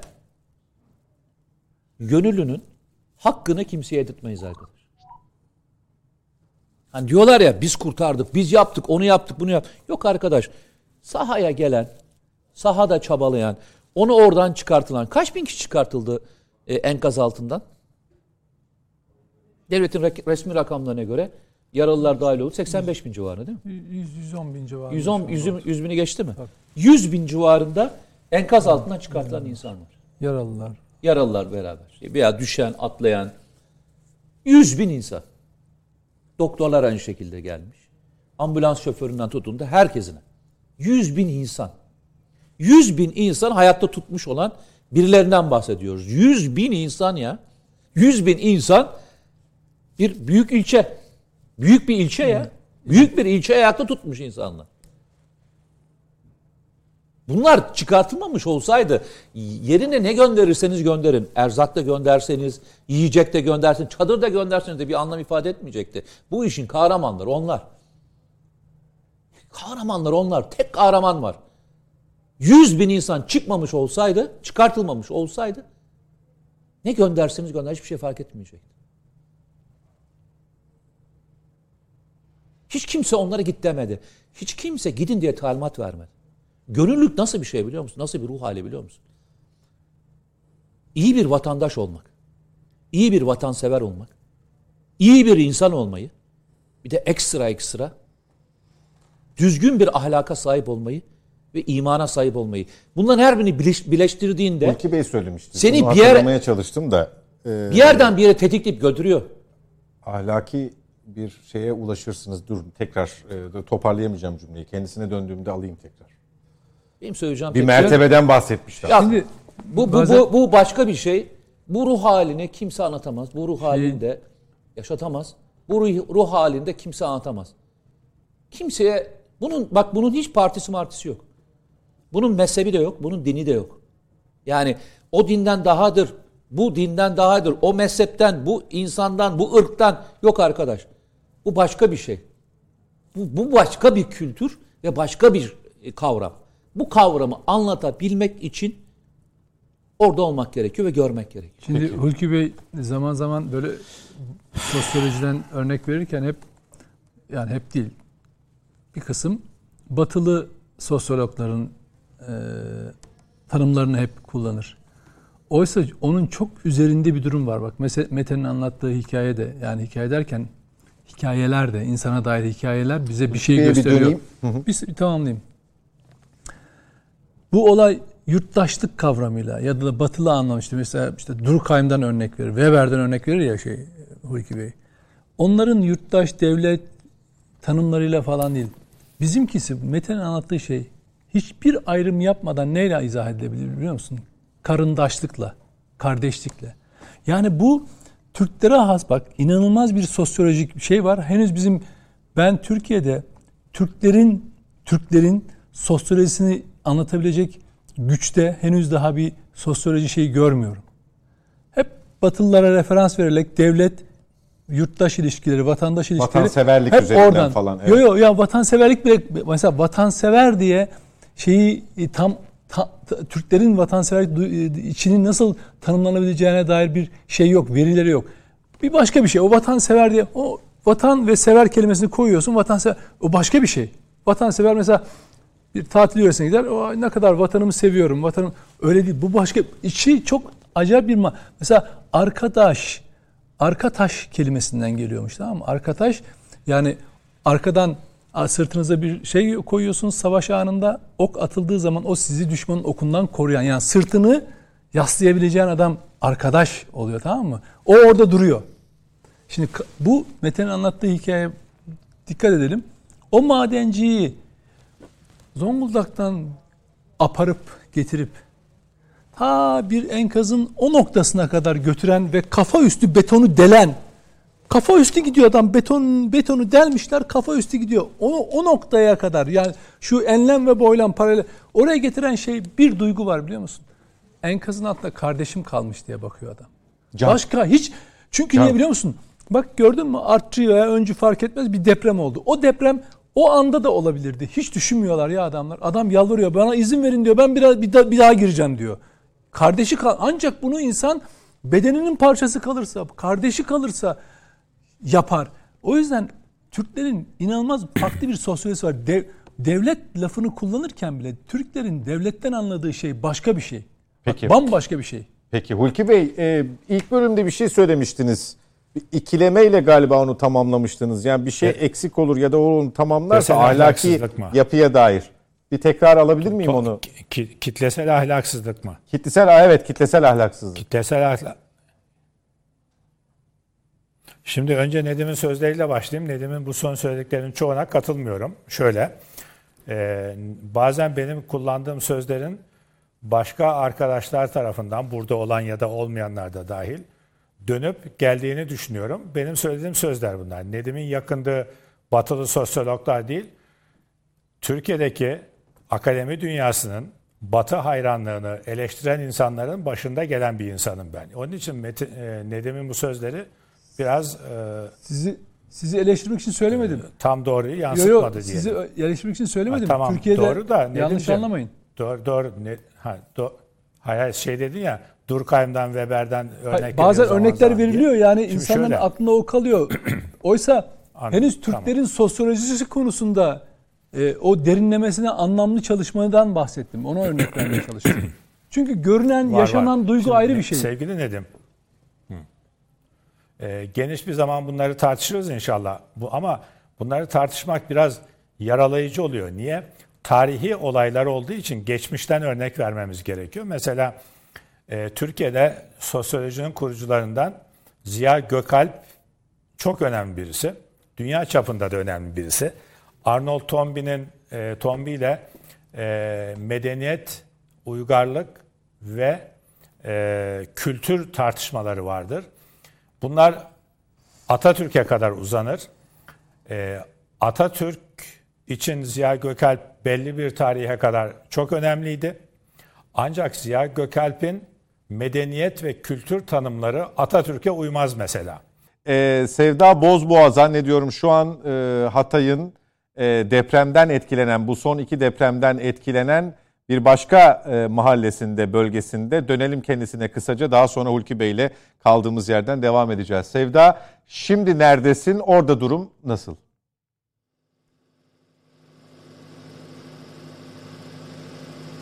Şu an Antakya merkezdeyiz. Artçı sarsıntılar devam ediyor. Geçtiğimiz dakikada yine bir artçı sarsıntı daha yaşandı.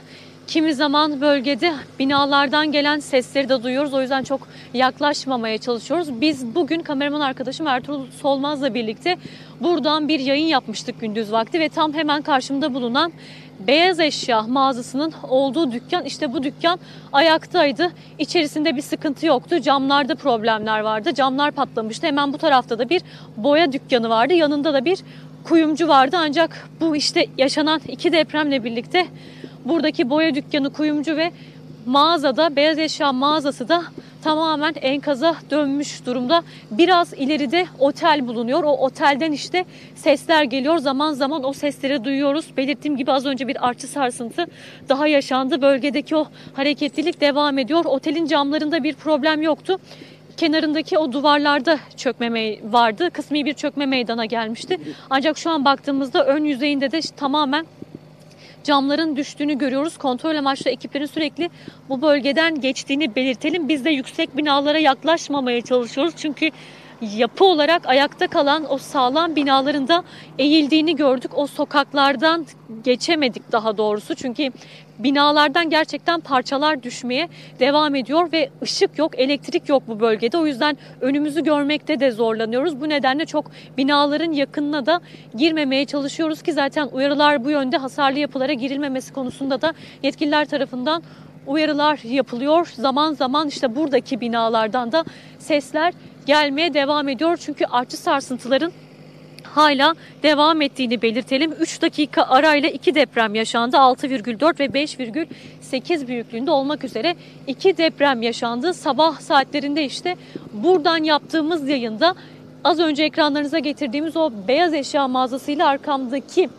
boya mağazasında hiçbir problem yoktu. Dışarıdaki camlarında çökmeler, kırılmalar vardı. Ancak içeride bir sıkıntı görmemiştik. Ancak şu an gördüğüm manzara karşısında gerçekten ben de şaşırdım.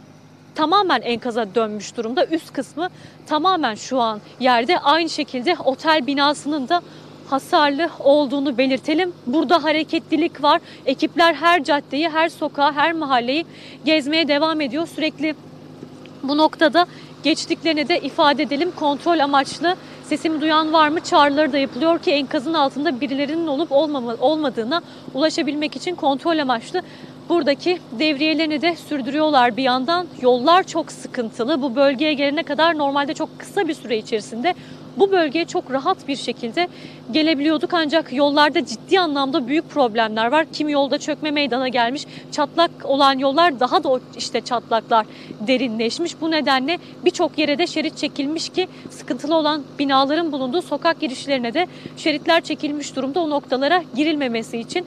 Belirttiğimiz gibi yollarda çok büyük problem var. Bölgede elektrik yok. Bu nedenle önümüzü görmekte zorlanıyoruz. Etrafımızda bulunan neredeyse birçok binadan sesler geliyor. Bu nedenle biz de bulunan binalara, etrafımızdaki alanlara çok yaklaşmamaya çalışıyoruz. Evet Sevda Bozboğa e, Hatay'ın e, depremden son iki depremden etkilenen e, bir başka mahallesinde bölgesindeydi. Gündüz izlenim için haber çalışması için gittiği yerlerde hasar olduğu bilgisini paylaştı bizimle. Öncesinde de İçişleri Bakanı Süleyman Soylu'nun 6.4 ve 5.8'lik depreme ilişkin açıklamalarını getirmiştik ekrana. Devam edelim. E, Hulki Bey e, kaldığınız yerden lütfen. E, Nedim Bey'in de e, eleştirisi size karşı şimdi. değildi ifadesini Bu, hatırlıyorum ama orada kalmıştık galiba. Çok çok önemli değil. Biz aramızda anlaşırız da ben kulaklıkta ses gitti. Bakan ilk açıklamasında ne dedi? Müstakil deprem midir değil midir dedi. Ben orasını duyamadım. Ee, öncü bir deprem olduğundan mı bahsediyorsunuz? Müstakil kelimesi Ayrı bir kırılma yaşandı. Bilim adamlarından aldığımız bilgi o yönde dedi. Ayrı bir kırılma yaşandı dedi. Yani müstakil deprem diyor. Öyle bir öyle, öyle bir öyle direkt bir ifade kullanmadı. Sadece e, bilim adamlarıyla yaptığımız istişareler sonucu Antakya'da fayın kalan kısmının da kırıldığına dair bilgi aldık dedi. Ama bir müstakil kelimesi duydum ben. Tam o sırada kesildi benim kulaklıktaki ses. Neyse. Demiş. Şimdi demiş. Bu müstakil, müstakil demiş. Evet. Mi, değil mi? Ha müstakil dedi. Şimdi yani şunu söyleyeceğim. Programın başında benim yaptığım analizin doğrulandığını res, resmi açıklama bakanınki. Bakanın aldığı bilgilere göre de doğrulandığını Teyidi niteliğinde, teyidi niteliğinde. Burada evet. rakamlara daha tabii yani bu e, hani deprem bilimciler, yer bilimciler tartışıyor ya yok artçı mıydı değil miydi? Artçı olmadı. Bağımsız, bağımsız bir deprem. Bir deprem oldu şiddetinden. Aynen öyle. Demek ki doğruları konuşuyoruz burada. Analizler doğru. Şimdi gelelim deminki noktaya. Az bir süremiz kaldı galiba değil mi? Ee, devam edebiliriz. Sıkıntı yok. Yani ben kısa tutayım diye. Yo yo yo. Siz e, yani analizinizi evet. tamamlayana ha, kadar peki. buradayız. Ta- tamam. Peki. Şimdi hani deprem yayını devam edecekse ben sabaha kadar da konuşurum merak etmeyin. O kadar değil de hani yani Şimdi, en azından bize ayrılan süre çerçevesinde diyelim. tamam peki. Yani programcı olunca konuklar ben bir de programcılık açısından bakıyorum olaya. Ee, konuklar gidecek mi, gitmeyecek mi, süre doldu mu diye endişe olmasın diye. Biz aramızda anlaşırız, Buradayız sorun yani. yok. Şimdi Hulki Bey. evet. Evet. Şimdi e, bu sosyologlar meselesini bir başka zaman geniş bir zamanda rahat rahat konuşalım. Atatürk devlet, millet, devlet eşittir millet midir? Millet değil midir? Millet Atatürk'le birlikte kurtuluş mücadelesini ne kadar verdi, nasıl verdi ve Atatürk'ün bu konuda kendi sözleri var. Ne diyor? Onları bir başka zaman rahat konuşalım. Şimdi e, şuna birazcık değineyim çok kısa yine. Bizim e, benim savunduğum görüş şu. Batılı sosyologları çok iyi bilmemiz gerekiyor. Filozofları da çok iyi bilmemiz gerekiyor. Çünkü bu alanı bilmezsek üzerine başka bir bilgi koyamıyoruz. Ama bizim kendi değerlerimizi ön plana çıkarmak gerek. Ayrıca dün gece bir başka televizyonda şu örneği verdim. Aslında toplum, hele bizim gibi Orta Doğu bölgesinde bu coğrafyada olan toplumlar, batıda da var ama burada daha çok hissiyat önde olduğu için herkes sosyolog. Hele belli bir yaşa gelince bir de şöyle bir söz var. 50 yaşından sonra sosyolog olunur diye. Çünkü 50 yaşına kadar hayatı görüyorsunuz. Gündelik ailevi işleriniz Deneyimliyorsunuz birçok şeyi. Çoluk çocuk büyüyor falan. Tabii tecrübeler önünüzden işte 3 tane 5 tane deprem faciası geçiyor. Kazalar, siyaset falan. Herkes görüyor. Ama ben 700 yıl önceden bir örnek verdim dün akşam gene vereyim. Yani biz örnek vereceğim kişiye sosyolog demiyoruz ama halk ozanı diyoruz ama sosyolog Yunus Emre. Yunus Emre diyor ki yaklaşık 700 sene önce yerden göğe küp dizseler, birbirine bend etseler, birini altından çekseler, seyreylesen gümbürtüyü diyor.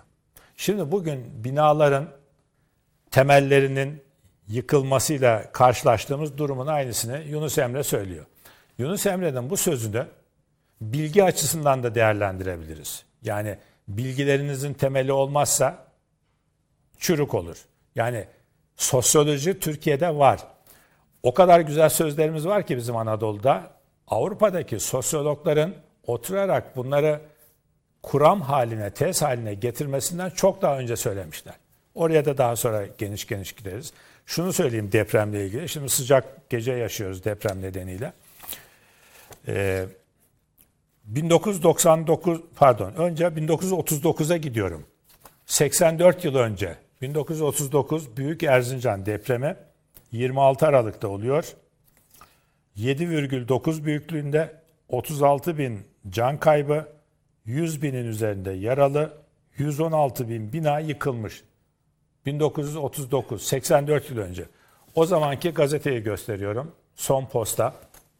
Ee, zoom yapabilecek miyiz arkadaşlar? Siz Çıkalım teklisine Ulki Bey'in. bakana kadar ben şuraya okuyayım. Diyor ki felaketin büyümesine manşetteki göstereceğim şimdi. Felaketin büyümesine hileli inşaat sebep oldu. Tetkik ediliyor diyor. 84 yıl önceki olay. 84 yıldır daha öncesi de var. Ee, onları kitaplardan okuyabilirim. Bunu gazeteden okuyorum. Hileli felaketin büyümesine hileli inşaat sebep oldu. Tetkik ediliyor diyor. Bundan 60 yıl sonrasına geliyoruz 1999'a. Günümüzden 24 yıl önce Hürriyet gazetesi katiller diyor. 99 depreminde müteahhitlere katiller alt başlığı okuyorum. Yine çürük inşaat, yine hırsız ve vicdansız müteahhitler diyor Hürriyet gazetesi. Bugün biz programın başından beri ne konuştuk ve bütün medya konuşuyor. Bu binalar nasıl yıkılıyor diye. Ya 84 yıl önce konuşmuşuz. 24 yıl önce konuşmuşuz. Bugün gelmiş çağ atlıyoruz. Yapay zeka dönemi, e, holistik evren, e, evren dönemi, işte Z kuşağı dönemi, teknoloji çağı diyoruz. Hala aynı şeyleri konuşuyoruz. Yani Başka aslında şey tarihleri size. değiştirsek aynı başlıklarla 7 Şubat'ta Aynısı. da bir gazete çıkarabilirdik. Tabii tabii. Tabii aynısı. Yani bu neyi gösteriyor? Toplumsal olarak e, bir e, bilinçlenme olmadığını, demin ne demiştik kitaptan bir saniye o e, toplumsal denetimin güçlü olmamasından söz ediyordu antropolog. Toplumsal denetim güçlü değil. Kitlesel ahlaksızlık e, işte bir yerde yanlış yapılıyorsa birkaç yere kadar sirayet ediyor. Şimdi bu kitap 700 sayfalık bir kitap. E, bir bankanın kültür yayınlarından çıkmış. 1894 depremi ve İstanbul diyor. 1894. Kaç yıl önce? 129 yıl önce. 129 yıl önce bir İstanbul depremi. Ee, kim var o sırada iktidarda?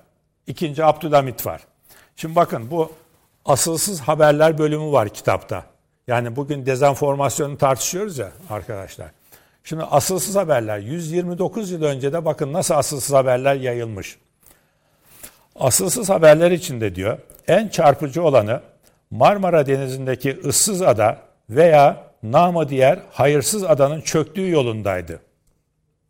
Bir başka asılsız haber Yalova'da dağ hamamlarının hasar gördüğü şeklindeydi. Bardağı taşıran son damla ise diyor Konstantinopolis adlı Rumca yayın yapan bir gazeteden o tarihteki eski 130 yıl önce Sabah gazetesi 13 Temmuz tarihli sayısında Mektebi Harbiye-i Şahane'nin yıkılarak 22 kişinin yaralanıp 3 kişinin öldüğü haberini yayınlaması oldu. Yani Harbiye-i Şahane Harp Okulu. Harp okulu. Yıkıldı. Yani asılsız haberler ve sansür diyor. 129 yıl önce de asılsız haberler yayılmış. 1999'da da yayıldı. Ee, 1939'da da yayıldı. Bütün felaketlerde bunlar olabilir. Şimdi olmamasını istiyoruz. Ama toplumsal ve sosyal gerçek olarak baktığımızda insanın yapısı bu. Bundan sonra da olacak. 100 yıl sonra da olacak. Hulki Bey, Buna karşı evet. önlem almak Hulki değil mi? Bey, herhalde önlem almak gerekiyor. Allah Nedim'in korusun- doğru. Mesela bu sosyal medya, Twitter olayları. Yasa çıktı. E, Twitter'daki insanların vatanseverlere küfürleri arttı mesela. Yasaya çıkmasına rağmen. Ama hala bu sosyal medyaya TC kimliğiyle girme işi olmadı. Şimdi bakın uygulamalarda sıkıntılar var demek ki biz e, teorik olarak yasalar yapabiliyoruz ama uygulamada sıkıntı. Az önce İçişleri Bakanı ne diyor? Hasarlı evlere girilip eşya alındığını görüyoruz yapmayın diyor. Ya arkadaşlar şimdi hepimizin aklına geleni konuşalım. Bu deprem bölgesinde olağanüstü hal ilan edilmedi mi? Edildi. Otorite askerde ve devlette değil mi? Evet. Buna rağmen hasarlı binalara nasıl girilip eşya taşınıyor? Hani gidip ceketimi alayım falan değil. Bir dakika iki dakika değil. Eşya taşınıyor diyor. Yani buna olağanüstü halde nasıl izin veriliyor? Az önce sizin muhabiriniz söyledi genç arkadaşımız. Gündüz gördüğüm yer şu anda yıkılmıştı diyor. Gösterdi. Ya o evin içindeyken yıkılacak. Hem kendisi ölecek vatandaşın.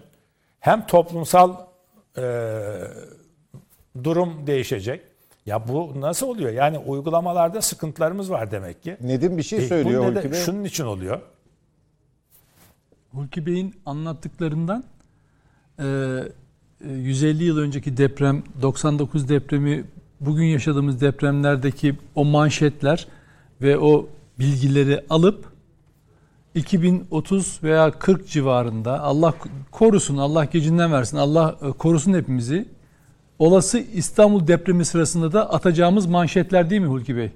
Bu kafa değişmediği sürece gerçekten Tabii, tabii. tedbir- evet. Söyledim. Aynı manşetler atılacak yine. Evet tarihler değişecek sadece. Tabii tabii. Tamamladıysanız Hulki Bey teşekkür edebilirim size. E, ta- tamamladık yani çok e, tabii tabii yani tamamladık diyelim. Yani şu de tamamlayayım. Türkiye'de her şeyi bir kişiden ve onun yanındaki birkaç kişiden beklemek ve onların üstüne bunları yük olarak yığmak yanlış. Demek ki çalışmayan bazı mekanizmalar var Türkiye'de. Ben zaman zaman söylüyorum ya, şimdi söylemenin zamanımı bilmiyorum. Söylemeyeyim. Ee, Ben çok cesur konuşuyorum bütün linçleri göze alarak. Ee, ama şimdi söylemeyeyim. Daha konuşacak zamanımız Peki. var. Ee, yaşadıkça konuşuruz. Yani bir tek kişiye, birkaç kişiye bırakmamak gerekir. Ee, insanları yalnız bırakmamak lazım sonuçta. Teşekkür ediyorum Hulki Cevizoğlu katıldığınız ve yorumlarınız için. Mete Yarar, Nedim Şener teşekkürler. Teşekkür ederiz. Ee, Tekrar geçmiş olsun diyelim. Gündüz yıkılmayan bina akşamki depremde yıkıldı. Biz de yayına hazırlanmadan önce şunları da konuşalım, bunları da konuşalım diyorduk. Hiç oralara uğrayamadık bile. Ee, çok da plan yapmaya gelmiyor hayat işte. Tekrar geçmiş olsun e, diyelim Hatay'a. E, tekraren geçmiş olsun dileklerimizi iletelim. Üç vatandaşımız hayatını kaybetti. Ee, onlara ve kaybettiğimiz 41 bin cana tekrar rahmet olsun. Yaralılarımıza acil şifa. Allah afetzedelerin, bölgedeki insanların canıyla dişin, canını dişine takarak çalışan ekiplerin yardımcısı olsun. Yani şöyle bir şey, biz hiçbirimiz e, bu işlerin e, şey uzmanı değiliz. Yani yer bilimcisi uzmanı değiliz tam anlamıyla söyleyeyim. Ama herkesin söylediği e, bir ilginç bir şeyden bahsediyorlar. Yani, yani bu tahmin edemediğimiz, bu olmayacak, bu arkasında Öngöremediğimiz. öngöremediğimiz dedikleri bir dönemden geçiyor. Lütfen rica ediyorum. Herkes biraz dikkatli bir uyanık olsun. Hani e, sıkıntılı bir yer hareketlerinin olduğu bir dönem galiba bu dönem. Yani uzmanlar bunu söylüyorlar. Bize düşen de e, nerede yaşadığımızı, nasıl yaşadığımızı bir kez daha kontrol etmek herhalde. Benim söyleyebileceğim tek şey, lütfen yaşadığınız yerleri ve çıkış planınızı lütfen bir kez daha kontrol edin. Peki. Teşekkür ediyorum tekrar geldiğiniz için. Bu hafta bize ayrılan süreyi dolduruyoruz efendim. Ee, haber merkezine devredeceğiz sözü. Ee, hem son meydana gelen Hatay depremine dair gelişmeler, sahadan da arkadaşlarımızın, ekip arkadaşlarımızın yeni ve e, tazelenmiş bilgilerini aktarmak suretiyle hem de günün diğer gelişmeleriyle diyelim. Hoşçakalın.